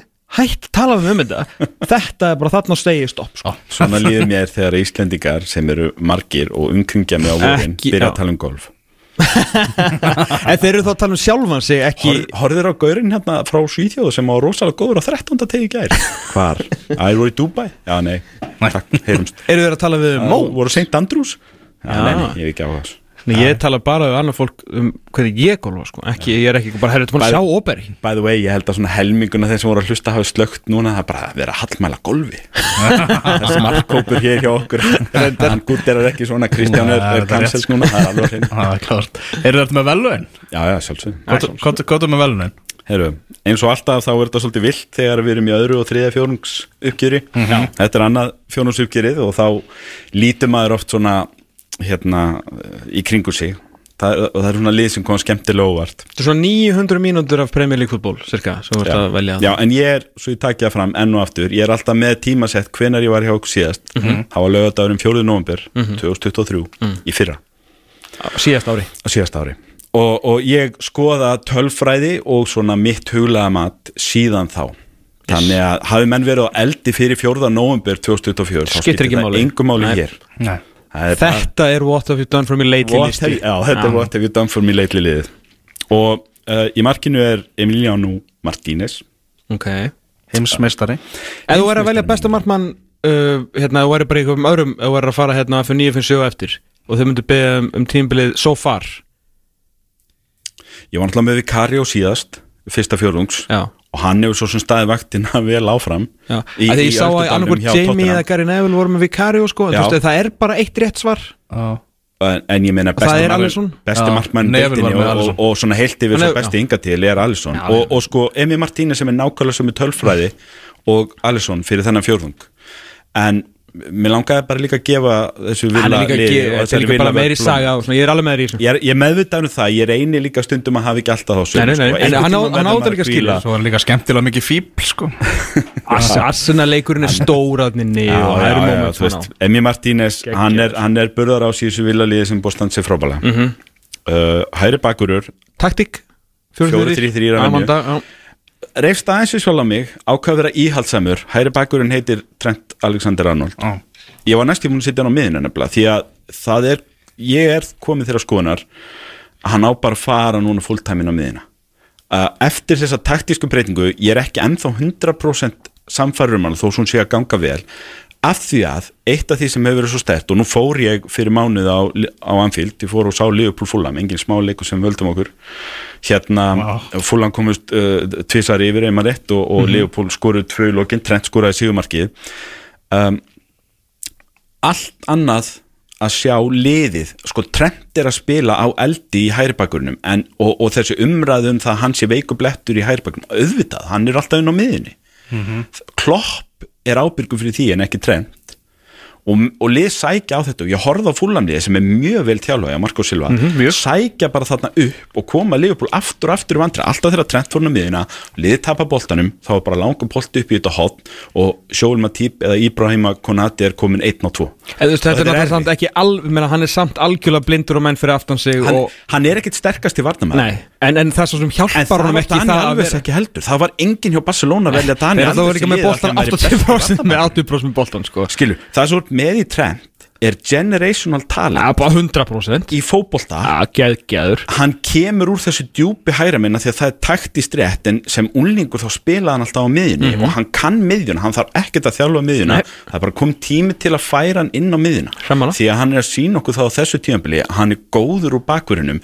en lið, að því vorum að tala um Arsenal áðan þetta er bara eitthvað sem að Leopold hljópa á vegg með síðustu tvö árin að koma úr djúpinu þarna vera playmakerinn hægra megin frá með Mo Salah fyrir framann sig og síðan þrjá miðmenn inn á sig.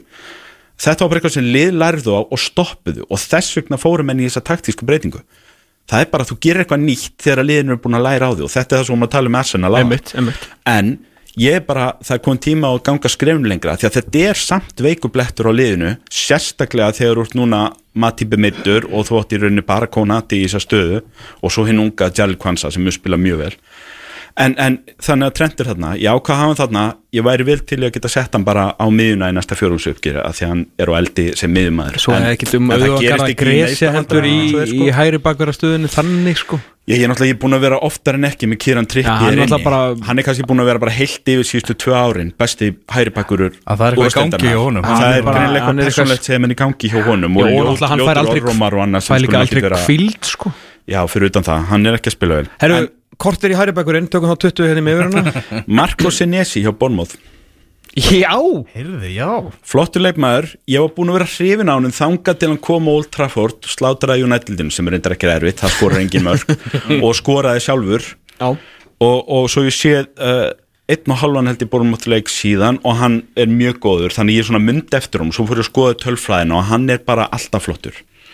Og þeir eru bara eitt af þessum liðum, ég fer aðeins betur í það eftir ég skulda Bournemouth afskunubinni Ok. hérna, en Marco Sinesi er hérna og hann er bara vel að þessu komin tveir Bournemouth. argentunumenn í er ánægð með það Já, já. Uh, Viljinn og honum er Virgil van Dijk ég flett ekki upp neittni tölfræði til að, að taka þá ákvörun hann Bara er besti auga, augu og hann er aftur orðin besti miðurur í heimi. Virgil van Dijk er eini leikmaðurinn í öllum fimm stærstu deildum Európu sem að hefur farið í 25 eða fleiri tæklingar og unnið þær allar. Hann hann er geggjaður. með 100% rekord í tæklingum. Og líka það sem að hann fyrir utan það, hann er aftur komin fyrirgeðu í fasan að það er enginn búin að fara fram hjá hann árinu, muni Nei, eftir því þegar hann kom til Leopold það já. við átjamánuður Hann ýtti öllum bara frá. Það kom einhver gæi, hvort á Jared Bowen hjá Vesta með eitthvað sem sólaðan loksins, sparkaði boltan fram hjá honum og, honum og, fór fram hjá honum. Og þetta verður frettir að þetta hafði verið gert í átjamánuði hann er komin aftur þangað, það er allt í einu hálft ár síðan, eða sem sagt síðan í svona april-mæi fyrra sem að einhver driplaði síðast boltanum fram hjá Virgil van Dijk og komst upp með Hann er líka Þetta er fáránlegt, þegar hann er svona góður þá er hann bara bestur. En hann er líka ekki að bjóða upp á það jafn mikið hann var á Dabra tímbilinu Já. Hann er aðeins meira búin að átta sig á hver hann er. Hann er ekki, hann er fljótur Hann er búin að aðlega staðins, hann er ekki Já. eins fljótur hann var. Nei, en hann, hann, hann vinnur miklu betur já, með það. Já, og það er örgulega ekki bara honum heldur þjálfara til Já, 100% sko, Hann er nú með ágætis mann á hliðalínu En hann er búin að vera algjörlega trilltur sko. Ég sá hérna, þegar ég var á fúlanleiknum það var moment í setniáleiknum þar sem að, eh, mér minnir að hafa verið Harry Wilson fyrir eitthvað einhver annar, sem að reynda að fara fram hjá honum. Og hann steg hann út og svo gaf hann honum svona mjöðum og gæinn fór svona þrjá fjóra metra, þetta var eins og ykkur um tölvuleik. Og völlurinn trilltist þú veist, þetta var fyrir utan mörkin fjögur sem Leopold skoruð þann daginn, þá var þetta stærstu fagnaðalætin, það stóð allir upp og klöppuð og þú veist, það sem er elskan Já.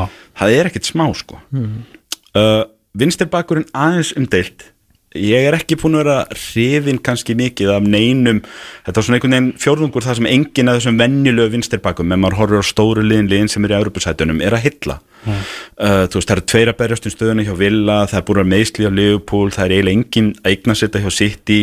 Sinchenko er að fá gaggrinni á Arsenal og svo framvegis Uh, það er leikmaður hjá Luton Town sem er búin að spila hægri vinstri bakverð og hægri og vinstri væng bakverði sem að ég verið afskaplega hrifin af og hann, þannig að ég svona nýti mér tæknileg uh, ákvæði og setja hann þarna þó sem hann sé aðalega hægri bakverð og það er Alfie Doughty. Alfie Doughty mjög hrifin á hann Þetta er eitt lélegasta lið sem þú sett saman svona á pappír sko. Já, er það? sem er skemmtilegt, ef ég menna þú veist, þú myndir bara að það vann að liðin svo velur þá má svona, herru, þetta líka þú alveg keftu sitt um Þetta titil skorar ekki hátt á, á, í fantasy sko, Nei, ég er að þegar- meina það, þegar sko. þetta spáka leikmenn kosta en sko. skemmtilegt, mjög skemmtilegt. Ég, ég horf á fótbolta, ég er ekki mikið að- Einmitt, að mikill eye-test kaupa og maður. selja þessa leikmann en mjög skemmtilegt. Þannig að ég, ég verið hrifin á honum og, og enn og aftur, Luton Town er bara eitt af liðum fjónungsins ef það er, þú veist, þeir eru ennþá hann að niðri og allt það og, og maður myndi ennþá spáðum falli en af nýliðunum þá eru þeir eina liði sem hefur gefið svona, sínt eitthvað lífsmark og,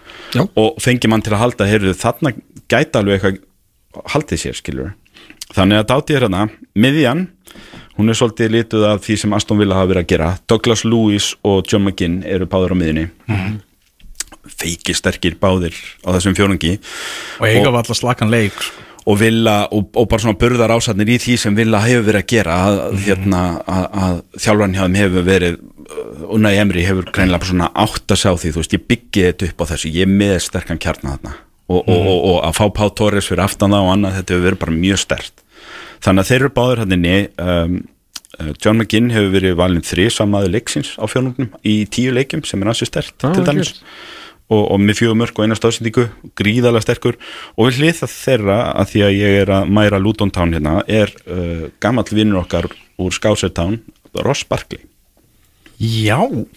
Sem að ef að það væri að það væri samhliða hérna leikmaður ásins, PFA Player of the Year og, og efnilegasti leikmaður ásins og eitthvað svona, ef það væri valið comeback leikmaður ásins eins og er í bandarskum íþrótum Og hér? Og hér, þá, þá er Ross Barkley ekki bara sterkur kandidat. Running away with hann it, er sko. running away Já, with it sko. þetta er Sástum strákur daginn þegar hann breyttist í að- sítan og gaf hann út á mjög kantinu og þau skoraði á móti City? Þú veist, ég held þetta hafi verið bara einhver neyðardýll hjá Luton að láta Ross Barkley hafa sanning að bara þeir fá engan annan, þeir eru lítilið þeir eru afskaplega voru það rétt á stættileg. undan Andros það Townsend. vill hann engin annar eins og Andros Townsend. Þannig að þeir bara, eitthvað, já, já, tökum hann. Hann hefur reynslu hvað kli- þú veist, hvað er að vestar sem geti gæst, svo er þetta bara alltaf þegar ég horfa á Luton, þá er hann að fara illa með Liverpool miðin og svona fara illa með Arsenal miðin og ég bara, herðu, já það er líf í galnum glæðum hann Já, eitt af momentum hingað til er þegar hann hérna, tók Rodri og Bernardo Silva með sítan snúninum Já. hendunum út á kant, fór fyrir og þeir skoruðu sko. það var örugla sko. Já, þetta var leikmaðurinn sem að Chelsea eittu háum upp rétt. fyrir þegar þeir tók hann frá Everton sín tíma og Það við höfum ekki. nánast ekki síðan, Nei. síðan á uh, tímbileitt hjá Chelsea eitthvað, en Kudos að vera ekkit annað alls er í siðil hann er bara líkil maður það leikmaður, vill spila fótbolta greinlega og, og oft er það nú líka þannig með þessar strákar sem lenda í ógöngum hjá stóru liðunum og finna sig ekki alveg eftir það. Hann er ekkert sá fyrsti sem hefur lendið því. Stundum þurfa menn bara að fá trösti Jöp. stundum þurfa menn bara að fá að vera stór fiskur í lítillega tjörn aftur og finna, finna svolítið fyrir sjálfum sér. Þeir þurfa mig. Og þá, þá blómstar hann aftur. Mm -hmm. leksía þar fyrir mm einhver lið kannski. Douglas Lewis, John McGinn og Ross Barkley. Já, Skemmtilegt. Umdeilt sóknarlína af þeirri einföldu ástæðu að ég í rauninni ég, ég bekkjaði mannin sem að nú verður samfélagi mitt brjála sko, ég bekkjaði Mo Salah. Já hann er bara alltaf hann inni og ég er með þrjá aðra sem ég finnst eiga að skilja blómund þannig ég sagði bara Mo, þú verður frábærur Hann er líka ég veit Alcon. þú þólir ekki að vera á bekknum en ég ætla samt að bekka þig. Þú verður bara að ringi umbósmannin og hann verður að setja eitthvað ljótt á Og verður um hvað sem er í liði ásins og svona. Fyrkort er Já, sem já. þú ert að fara til Afríku þannig að þú ert ekki næsta þriðungsukkjöri og fjörðungsukkjöri og ég bekkaði Mo Salah að því að uh, Jarrod Bowen hefur verið á eld og ég nenni bara ekki sko, Mo Salah er þarna og í þau fáu skipti sem Mo Salah er ekki þarna þá er Bukai og Saka þarna. Og þetta er í fyrsta sinn sem ég er með Jarrod Bowen inni og þessi maður á bara meira skili frá mér. Og hann á eiginlega skili afsökunarbeini líka sko, fyrir síðustu fjögur árin eða eitthvað með, með svöstanliði hann er það góður að nætta að hafa verið þarna inni. Það er komið að því. Jarrod Bowen er með 6 mörg, 2 stóðsendingar í síðustu tíu leikjum. Já, í liði sem vill helst ekki fara við mig sko. Vill helst ekki vera með Þetta vestamli er samt eitt af liðum fjórumsins eins og Bournemouth, eins og Aston Villa eins og Luton svona mínumati og svo kannski Liverpool líka. Uh, hérna vestam á bara meira skili en svo ég snuði á alveg þannig að það er vestamaður inn í þessu liði. Ég var mjög nálægt í að, að sitja Mohamed Kudus að inn líka, erum mjög hrjóna á honum. Uh, kannski einhverju fleiri ef ég hefði viljað en, en Jared Bowen er þarna. Hinum einn uh, snutta ég framherjanum Ollie Watkins út á kantinn af, af ástæðu sem er mjög einföld. Ég held að þú getur gíska á hana uh, hérna, Watkins verður að vera vinstra megin. Hann er búin að skora 5 mörg, upp þrjú tvið samaða leiksins í 10 leikjum og verið bara á eldi, hann er náttúrulega líkil maður í þessu Aston lið. Þó hann skor ekki í nýjarleikju er hann samt ekkit eðla mikilvæg hann, hann er einn af þessum leikmönnum bara núna að, að eins flott og þetta viljalið virðist vera í dag ef hann er ekki með þá færur það niður gæðaflokk Jáp. hann er þar. Jáp. og hann er settur á kantinn að því að frammi viltu kíska hverju mér?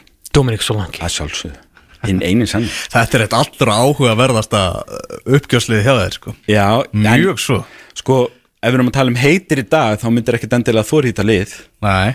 En, en eins og ég segi það, það er ekki margir að þessum leikmönnum í fantasy hjá hlustendum X-ins. Já, ég er með Solanki og Báin Já, sko en, þú ert ekki með alla hína Nei, nei, Þa, vissulega það, það, er, það er ekkert mikið sko, yfirleitt er ég hérna eitthvað Rodri, De Bruyne, Sala og Holland og eitthvað svona sko Son og, og, og, og Alisson eða Ederson. Og það er allir bara eitthvað, yes, hann er í fantasílinu mínu. Nú eru allir bara, þú fólk er að googla Alfie Doughty og eitthvað svona. Núna, hver- hvernig skrifar þetta Doughty en hérna, en Dominic Solanke er með átta mörk í nýju leikjum og er bara búin að vera eldi og alltaf þegar ég sita bónmátli þá er hann bara sjúklega góður. Þeir, og, og þá komum við kannski að næstu velunum, það er þjálfari fjórungsins, það er Andoni Iraola og ég skulda honum afsökunum benni, ég veit ekki út um muni að þegar ég kom inn í fyrsta fjórungsuppgerið að þá eh, tók ég hann til og þetta Bormóð brölt allt sem eina vombriðum tímabilsins. Já. Ég sagði ykkur bara aldeilis fengu þér þetta í hausina og láti Gary og Níl fara sem að er að standa sér vel með vúls og get ekki neitt og eru neðstir og þetta er bara allt í skrúin og þessi Þú af Iraola hverju ertu að byggja afsökunar? Þú er bara, ég, það er ekkit sem Af fyrir meiri kann- þegar er einhver sögufölsunum gangi. Þeir gátt ekki raska er, er, er gátt ekkert en ég kannski uh, mér hefur persónlega fundist eins og ég hafi sparkaði líkjandi mann. Ég, sem sagt, ég hef ekki bara Nei, gaggrind það á var bara hjá þér. gaggrinni heldur. Við tökum ekki við þessari of hart afsökunar fram. beini því að þú hafðir hárrétt fyrir Þeir þér að í síður, gefðu nú bara hérna, kredit fyrir að hafa snúið þessu við að Liðið virðist er á að bara tekja frábært. að virðist á að tekja hann einhverja tíu umferðir og svo bara er og hann að segja já, Já, þetta er ennsku fókbalti og, og síðan þá þá bara, strákar ég fatta þetta í gær. Og við ætlum að gera svona. Og síðan Sáuðu þá- þeir sem bara skoru á miðju á hrikalega móti sterkir. Sáuðu miðjuna sem tókum við tóttina Nei Þeir eru sett upp í miðju kerfi, það var ekki múið tóttina, ég maður ekki. Þú veist, það voru þrjár sendingar frá miðju og, og fór í gegn og skoraði. Nei, Það ekki. var alveg, þú veist, að gæja var þetta svo, svo rétt hann var bara svona já, það byrði það er svona mikið af, þetta er ákjæf sem þarf versus taktík, þetta og svo fór bara hann að mýmið í gang með hérna, hann Sakk Alfenakis. Svona tölunar allar og bara herru, got it, let's go. Að, að, að, það er ekki, í alvörni, það er bara eitthvað svolítið, að það hefur engin leikmaður hann eitthvað breyst, Dominik Solanki vaknaði ekkit eitthvað stökkbreyttur hérna í oktober, þú veist, hann, hann er alltaf verið góður færi? leikmaður en hann fór bara að fá færin sem valda því að hann skora kantverðir sem nenni, þú veist, bara þeir eru bara að spila það er það sem ógeðslega vel gleymist of þeir eru út að bera saman til dæmis strækjar hjá Bormo þegar strækjar hjá, þú veist, Manchester City er gæðin á færunum sem Holland er að fá Einmitt. eru í eðli sínu miklu betri heilt yfir heldur en það sem svo langt er að fá en svo allt í hennu breytist þetta hjá svona lið sem finnur út úr þessu og fer bara að spila sinn bolta sem er ríkalega góður upp á veikleika anstæðingun og það er sama hvað anstæðingun heitir. Það var öll lið svitnað gegn þessu bormúlið og þeir töpuðu loksins um daginn eftir að hafa verið taplusin nánast allan fjórungin eh, ég tók saman sko Liverpool eru efstir í þessum fjórungi síðan ég var hérna síðast með 22 stig. Mm. önnulið með 20, Arsenal er ekki góðir United, Chelsea ekki góðir City eru í 5. sæti og svo framvegis. Bournemouth eru með leik minna en Liverpool eða myndu vinna þann leik sem þeir ættu í rauninni inni ef ég nota það en ekki að svona fyrir þennan fjórung þá færu þeir upp að hlið Liverpool sem efsta lið og þessum fjórungi með 19 stig var þessi fjóringi 19 stig í þessum fjórungi í 10 hérna, leikjum og Liverpool 22 og þú, þetta er Bournemouth. Þetta er AFC Bournemouth. Og ef það væri ekki fyrir þess að byrjun þá væri þau, ég veit og það er erfitt að segja það því vorum að segja að voru svo liðlegir en hefðu farið aðeins skárafstað.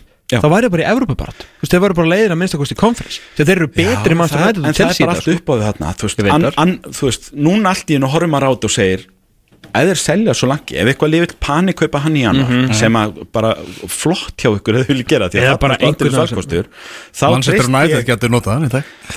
allt í hennu þessu liðu svolítið til þess að nota þann pening til að styrkja liðið og ef ekki, þá býst ég bara við að svo langi að halda áfram að vera á eldi fram á vorið og- Íra Óla er svo pottet með eitthvað gæja með svona fjögur X í nafninu bara kláran frá Baskalandi sko. nákvæmlega heldur að hann viti ekki. Það veist, nákvæmlega máli sko. Hann selur hann og kaupir tvo ódýrar í staðin skilur eða þrjá. Og allt í einu er þau komið breytt á miðjuna og tvo og er Veist, eh, þannig að hérna, þetta bara lítið mjög lút svo er hérna stórleikarinn og eigandi þeirra Michael B. Jordan var ég að lesa, hann er að hanna nýjustu búningana þeirra,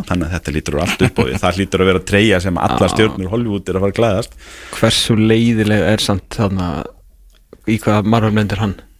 Hann var í Black Black- Panther. Black Panther 2 maður. Jesus ég bara eða að því er náttúrulega mikill sko þú hlýtur vera á Friday Night Lights maður. Já, sjálfsög og hann náttúrulega þú veist þegar hann er náttúrulega kortubakkin í, í rauðarliðinu þegar hann fer yfir til hérna En hann var náttúrulega í The Wire fyrst sko Já, hann var náttúrulega bara það. baby þá sko. Já, já. En svo þegar hann var komin í hérna það West Dillon Lions eða ekki? Jú, East Dillon Lions. East Dillon Lions. Já. Þú eru ekki séð Friday Night Lights eða? Nei, en ég það vægir, það er frábært. Já, það er frábært. Friday Night Lights gengi er náttúrulega bara svona leikarhópur sem að maður heldur með og hefur haldið með í rúman áratug núna. Það er bara alltaf því að sé eitthvað en þá bara yes það rættist úr þessu.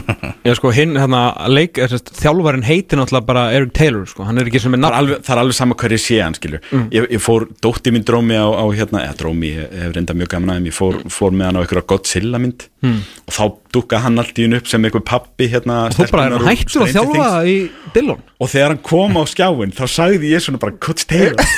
Og hún leita á mig og sagði bara hvað er þetta minna, hann hittir eitthvað allt nei. Ég hugsa þetta líka, hann er náttúrulega löggan í Wolf of Wall Street Já, nákvæmlega. Coach Taylor eitthvað að reyna að gera Leo erfitt það var mjög fráhrindandi sko. Eru Player of the Quarter. Trent. Uh, Coach of the Quarter í Róla í róla og vombriðin við kannski getum enda á smá umræðu þar, ég veit ekki. Newcastle United. Ah, sex tapleikir í tíu leikjum En þeir eru samt yfir núna gegn erki fjöndunum í Söndaland Í Byggandum Já, vá, Já, ég bara tek allt tilbaka. Eru Þeir töpuðu sex leikir í sex leikjum í, í tíu þetta er búið að að við maður. Að Ha. Bensín lausir sko. Njúkastum Já, en sko spurningin er menn vissu alltaf að þetta er þið erfið tímabila því að nú reynir á brittina að þú er koðin í mestardildin líka og þú ert að fara úr engu í allt, skilur mm Meðslinn samt uh, er alveg en það eru samt alveg fleiri lið fyrir ofan það í meðslum við erum að tala um City, við erum að tala um Liverpool við erum að tala um Arsenal hérna. United. United hafa átt í ströggli með meðsli og, og fleiri lið. Já. þeir eru ekkit afsakaðir bara því að það vantar Þeir leikmenn voru nú samt lengi, eh, þeir voru samt eiginlega bestir þegar þeir voru með sko 11 manns á meðslalistunum en það sem er að gerast náttúrulega líka er að þeir eru að spila með þessa væntingar og liðin á mótið er að nálgast á öðruvísi. Þeir eru ekki lengur eitthvað spútninglið sem er að koma til óvart með hvað eru góðir. Nú eru menn, menn eru að horfa á dagatalið nokkra vikur fram í tíman og segja Newcastle er hér. Það er einn af þessum leikur sem við þurfum alveg ekstra preparation fyrir Já. af því að þeir eru stólið, þeir eru í mestardöldinni þannig að veist, þetta eru hlutir sem þarf að aðlagast og annað og nú reynir á Eddie Howe getur svona stýrtir í gegnum þetta og náð allavega ykkur að markmiðunni þínum í vor? Og hann er nú komið Er þess að pressu að það er verið að hérna, reyna að rekka hann í fjölmjölum Nú þú veist það er nýjasta já, nývatni brindir Það er að á Það var orða, orða hérna Girona stjóran Michel. Já, Sanchez. Já, já, Ha- Hann hann er bara á þessari þú veist, ólinn stittist og þú vogar þeir ekkit ok, þeir eru að taka kannski Sönderland í byggarnu núna en það neðri deildalið mm -hmm. Sönderland er endar fínir hann í Championship deildinni, Jú, jú. þeir er alls ekkit eitthvað ónýttlið sko, en þú veist, þessi tapleikur á anfyldum daginn uh, sá sjötti í tíu leikjum það er ekki ekkert og maður spyr sig bara hreinlega með þessa eigundur af því að það er ekki reynsla á það hversu langt hversu langur er slakin í jólinni eða þeir tapa tveimur á næstu þreimur Alveg, þannig algjörlega. að þannig að Newcastle er eitthvað til að fylgjast með. Ég, kannski menn áttu vonu og kannski smá erfið heitum og þeir eru kannski ekki eins góður og í fyrra en að vera bara þannig starf með að deild og, og tapa öðrungurinn leik og, og allt skalli ég er ekki vissum að það verið afsakað svo, svo glatt hjá eigandahópnum sem að ætla sér bara upp á þið Það vantar nú samt svona til að koma aðeins smá til varnar vantar samt í þetta, ég meina þegar Joe Ellington er komin á kantinn og veist, Bruno Guimaraes getur ekki haldið þeim á, á flóti hverjum einasta leik, Harry Barnes ekki tekið þátt í þessu, náttúrulega voru að vera að reyna að koma mikið já. Almirón út, hann getur ekkert. En, en þessi er ekkert inni. hluti af tímbilinu eins og ég segi. Já, þetta Ég á- tölfræðilega eru ekkert fleiri mittir hjá Newcastle heldur en hjá, hjá þreymur eða fjórma liðunum fyrir ofan. Já, er það? já, þeir voru með 11 á sínum tíma sko. Þannig að, En ég er, saman, ég, vantar á bara breytina, kannski eru þau fórnalum beigjum velgengni að því að við vitum Þeir og það það. töluðu allir um það í fyrra að þeir voru kannski áriða tveimur og undan áallunni Mhm. í mestratildina kannski segja eigendurni bara að við vorum undan áallunni í fyrra þetta var þingan sem koma því við erum ekki ennþá með breyt til að taka þátt í öllu Mhm. Einmitt. kannski er það bara málið og, og, og Eddie Há fær að vera smá súkulaklein og fær alltaf næsta tímabil já, minnst að kostið þetta tímbil Svo kannski bara, Ek, ekki nema að verði þá kannski það slæmt að þeir Já. bara gjössanlega verði Já. eins og segir, það, þetta er þetta er, hættuleg staða þegar að þú ert farin að, að þegar að þú sérð pressuna vera farin að brína hnífana, sérstaklega þarna í Newcastle og annað. Mjúkvæslega menn líka orðinni reyðir að hlusta á þetta þannig að þeir tóku sér 31 sekundi að skora annar markið í þessu leik í setni hálfleiknum. Já. og maður sem var að segja geti ekki neitt mikið Almirón með frábæra takta, leggur hann á Alexander Isak og hann eiginlega skautur hann í áttina að Kristján Alla þessi var beint þetta var netið ekki stoppa þetta fyrir því andlita Nei, nei, ég, hérna, já, já, algjörlega. Þetta, er, eh, hérna, þetta verður svolítið fróld að sjá hann þetta er bara búið að vera veistla frá þessi eigendur komu. Já. Bara þessi Eddie Há ráning gekk svo vantarlega 20 sinni betur upp en þeir heldu Já. Uh, leikmannaköpum flest gengið upp en hvað gera þeir í fyrsta sinn þegar illa gengur? Þegar Já. þeir hafi ekki farið í gegn? mér finnst Eddie hafa svo sannarlega skilið að byrja næsta tímabil saman hvernig þetta endar núna sko. Ég er alveg þar sko. Ég myndi, ég myndi segja að þetta var kannski alltaf að fara að gerast. Já. að því að álæðið er bara miklu meir en þeir eru vanir sérstaklega á haustin. Mhm. þar sem að þeir á að geta verið bara svona með varalíði deildabíkarnum og annars bara einbæta sér að deildinu fram á jólum. Uh, hérna allt í einu þá bætast við þessi sex mistardildalíkjur og þetta var engin smá riðill, það var ekki eins og að vera gefin neitt afsláttur á einu meinasta leikar sko. þetta, voru, þetta voru hérna, Dortmund, Paris og Milan. Takk fyrir túkall sex leikir, má bjóða þær að bæta þessu við í, í, í, í hérna, þrönga dagská þannig að ég er alveg þar sko ef við ekki að segja að ég hérna, hafi verið að gera þeim svona smá vinagreiða núna Jú. því að ég hérna, bað Antoni Íraróla afsökunar sem að þú reyndar leiði mér ekki Nei. Það var mikill í grimt Jöp. og hérna ég hlakka til að byggja Eddie Há afsökunar í næsta fjörungsöfki Næstu umferð, næsta umferð í ansku úrvalstildinu, hún var náttúrulega tvískipt Já, vet, er- vetrar frí Vetra frýr, sumlið er ekki að spila fyrir en eh, bara 20. Það er, það er svona stórleikir á dasgömi, það er City Newcastle og United Tottenham næstu helgi og svona þáttur að sé nú bara 5 leikir Þannig að svona janúarmánuður í Premier League fyrir rólega á stað en, en byggar er svo sem bæti það upp. Asna Liverpool í byggarnum helgina. Já, Lancaster slagur á mándaskvöldið, vikan Master United. Andra eini möguleiki Manchester United á titli það er þessi FA byggar það fallnir úr deltabyggarnum Burnley og Leik, Sporsunum þá þau gerði ekki. Jú, 1-0 mm. uh, Everton Crystal Palace hversu ánæður Roy Hodgson og Sean Dice að það að taka þann leik aftur við, við elskum replay Það er fá orð sem að fara meiri sko. Það er og eitt orðin sem ég hata þetta Hvernig er orðið, er orðið tímaskekkja. Hvernig, orð. einmitt, hvernig erum við árið 2024 en þá að spila replay? Þetta er bara að því að ég fekk senda á hann hérna, þegar ég tók randinum félagskiptaglugan þá þættinu bara stóð bref sem ég nefndi ekki að lesa. Að KRR ræður þessu. Ah. að þú veist að má, mátt spila með góra en þá er náttúrulega snýst náttúrulega um að vera með löglega leikminn út af samningsmálum og ör, hérna tryggingamálum skilur. ok, skiptir ekki máli en talandi um sko KRR sem að eru svona ekki ferskustu strákarnir on the block sko sem að stýra knastbyrnun öður ekki af ykkur Já, vel orðað. Talandum að þú varst að segja af hverju eru með replay að nú er sko er búin að ná að afmá replay alveg nýr í áttalið eða ekki? Já, en þú veist þeir sem að eru á FA skrifstónum bara gefum ekki eftir 64 og 30 tekjulústin þar viljum við fá replay. Ég sko rökin hjá þeim hafa náttúrulega ekki breyst síðan á síðustöld og það er að þetta er svo stert fyrir hérna, ef þú fær heimaleið á móti stórliði í januar Já. Og nærða hanga í aftöflinu þá færðu Old Trafford, replay, þá færðu þú veist, hérna Emirates eða Etihad eða Anfield eða alltaf kallaði gjaldkera leikurinn alltaf maður sé alltaf Já, sínt upp í stúku. Þarna sjáum við gjaldkera Luton þú veist þegar þeir voru í fjórudel sko. Og, og þá, þá hérna græt, gráta jakkalakarnir í stjórnina gleði skilja, því að bara árun er borgi og það er 50 januar já skilurðu, næstu árum sko. næstu árum bara, þú veist, það er bara menn unni í lotterinu þannig Mun að þeir það- ekki taka þetta liðum. Gerið þá bara eitthvað annað. Ef að leikurinn endar í jafntefli og þú þarfst að fara í vítaspunnkeppni þá, þá eitthvað, þá fær félagi gefið þeim 100 ás pund Já, þú Eitthvað. veist, fáið, þá fær félagi bara styrkveitingu eða þú veist, fær bara, veist, eins og einhvers konar laun fyrir það, alveg eins og menn fá laun fyrir hvert stig eða sem sagt bónus fyrir hvert stig þegar vinna sér inn í Európa-keppnum að, að, þú, nær því, þú ert í raun að vinna þér inn stig gegn liði sem er í efri deild en þú, Mhm. hvort sem að það er þá liði League 2 að sp- spila gegn liði Championship deildinni eða eitthvað sko. Já. ef það liðir í efri deild en þú þá bara færðu þarna einhvern bónus. Þú bara, þú náðir í apteflinu svo ég tala ekki með þú vinnur að, að þá færðu bara borga fyrir það og taki þetta replay af því að þetta er að drepa alla sem er að spila fyrir landslið. Og, og það er eitthvað staðar verður þeir eru út að fara núna að lengja World Club Cup og allt þetta og lengja HM og EM og, Champions og stækka meistardeldina og allan pakkan eitthvað staðar verður að skera niður og guðminn almáttur að þið geta ekki tekið sér replay og það eru gauðra sem að sitja bara í vinsesturstólum inn á FA skrifstofunni bara nei Þessum gæjum er alveg Nei. skýtsama þó að Kevin De Bruyne bara klári ferilin í hjólastól Já, þeim er 35 ára, drull, sko. Takk fyrir og bless, þú ert ríkur farið í hjólastólin Þeim er alveg saman Alveg sama sko Herru við þurfum að fara að slá botnin í þetta uh, Við fórum yfir hérna ótíðum bara spánuna fyrstu þessu ári og aðeins bara eina af þremur af Því að síðan alltaf verið bara mótið byrjað Já. Einhvern tíma 5. apríl F.A. tekur titilin í ár Heyrðu það hér. Herrum í Freyja Alessandi sinni sem er á nýr borgarstjóri í Kortvík þar sem hann ætlar að reyna að halda þeim uppi því merka, merka félagi og verðum með miklu fleiri fréttir frá, frá Kortvík núna á næstu vikum og mánuðum. Enska ringborði með Kristján Allar, takk fyrir komuna Kristján á vanda. En við segjum þetta gott í byli, heyrumst aftur til 6 og 22 tíma. Þangar til, verðið sæl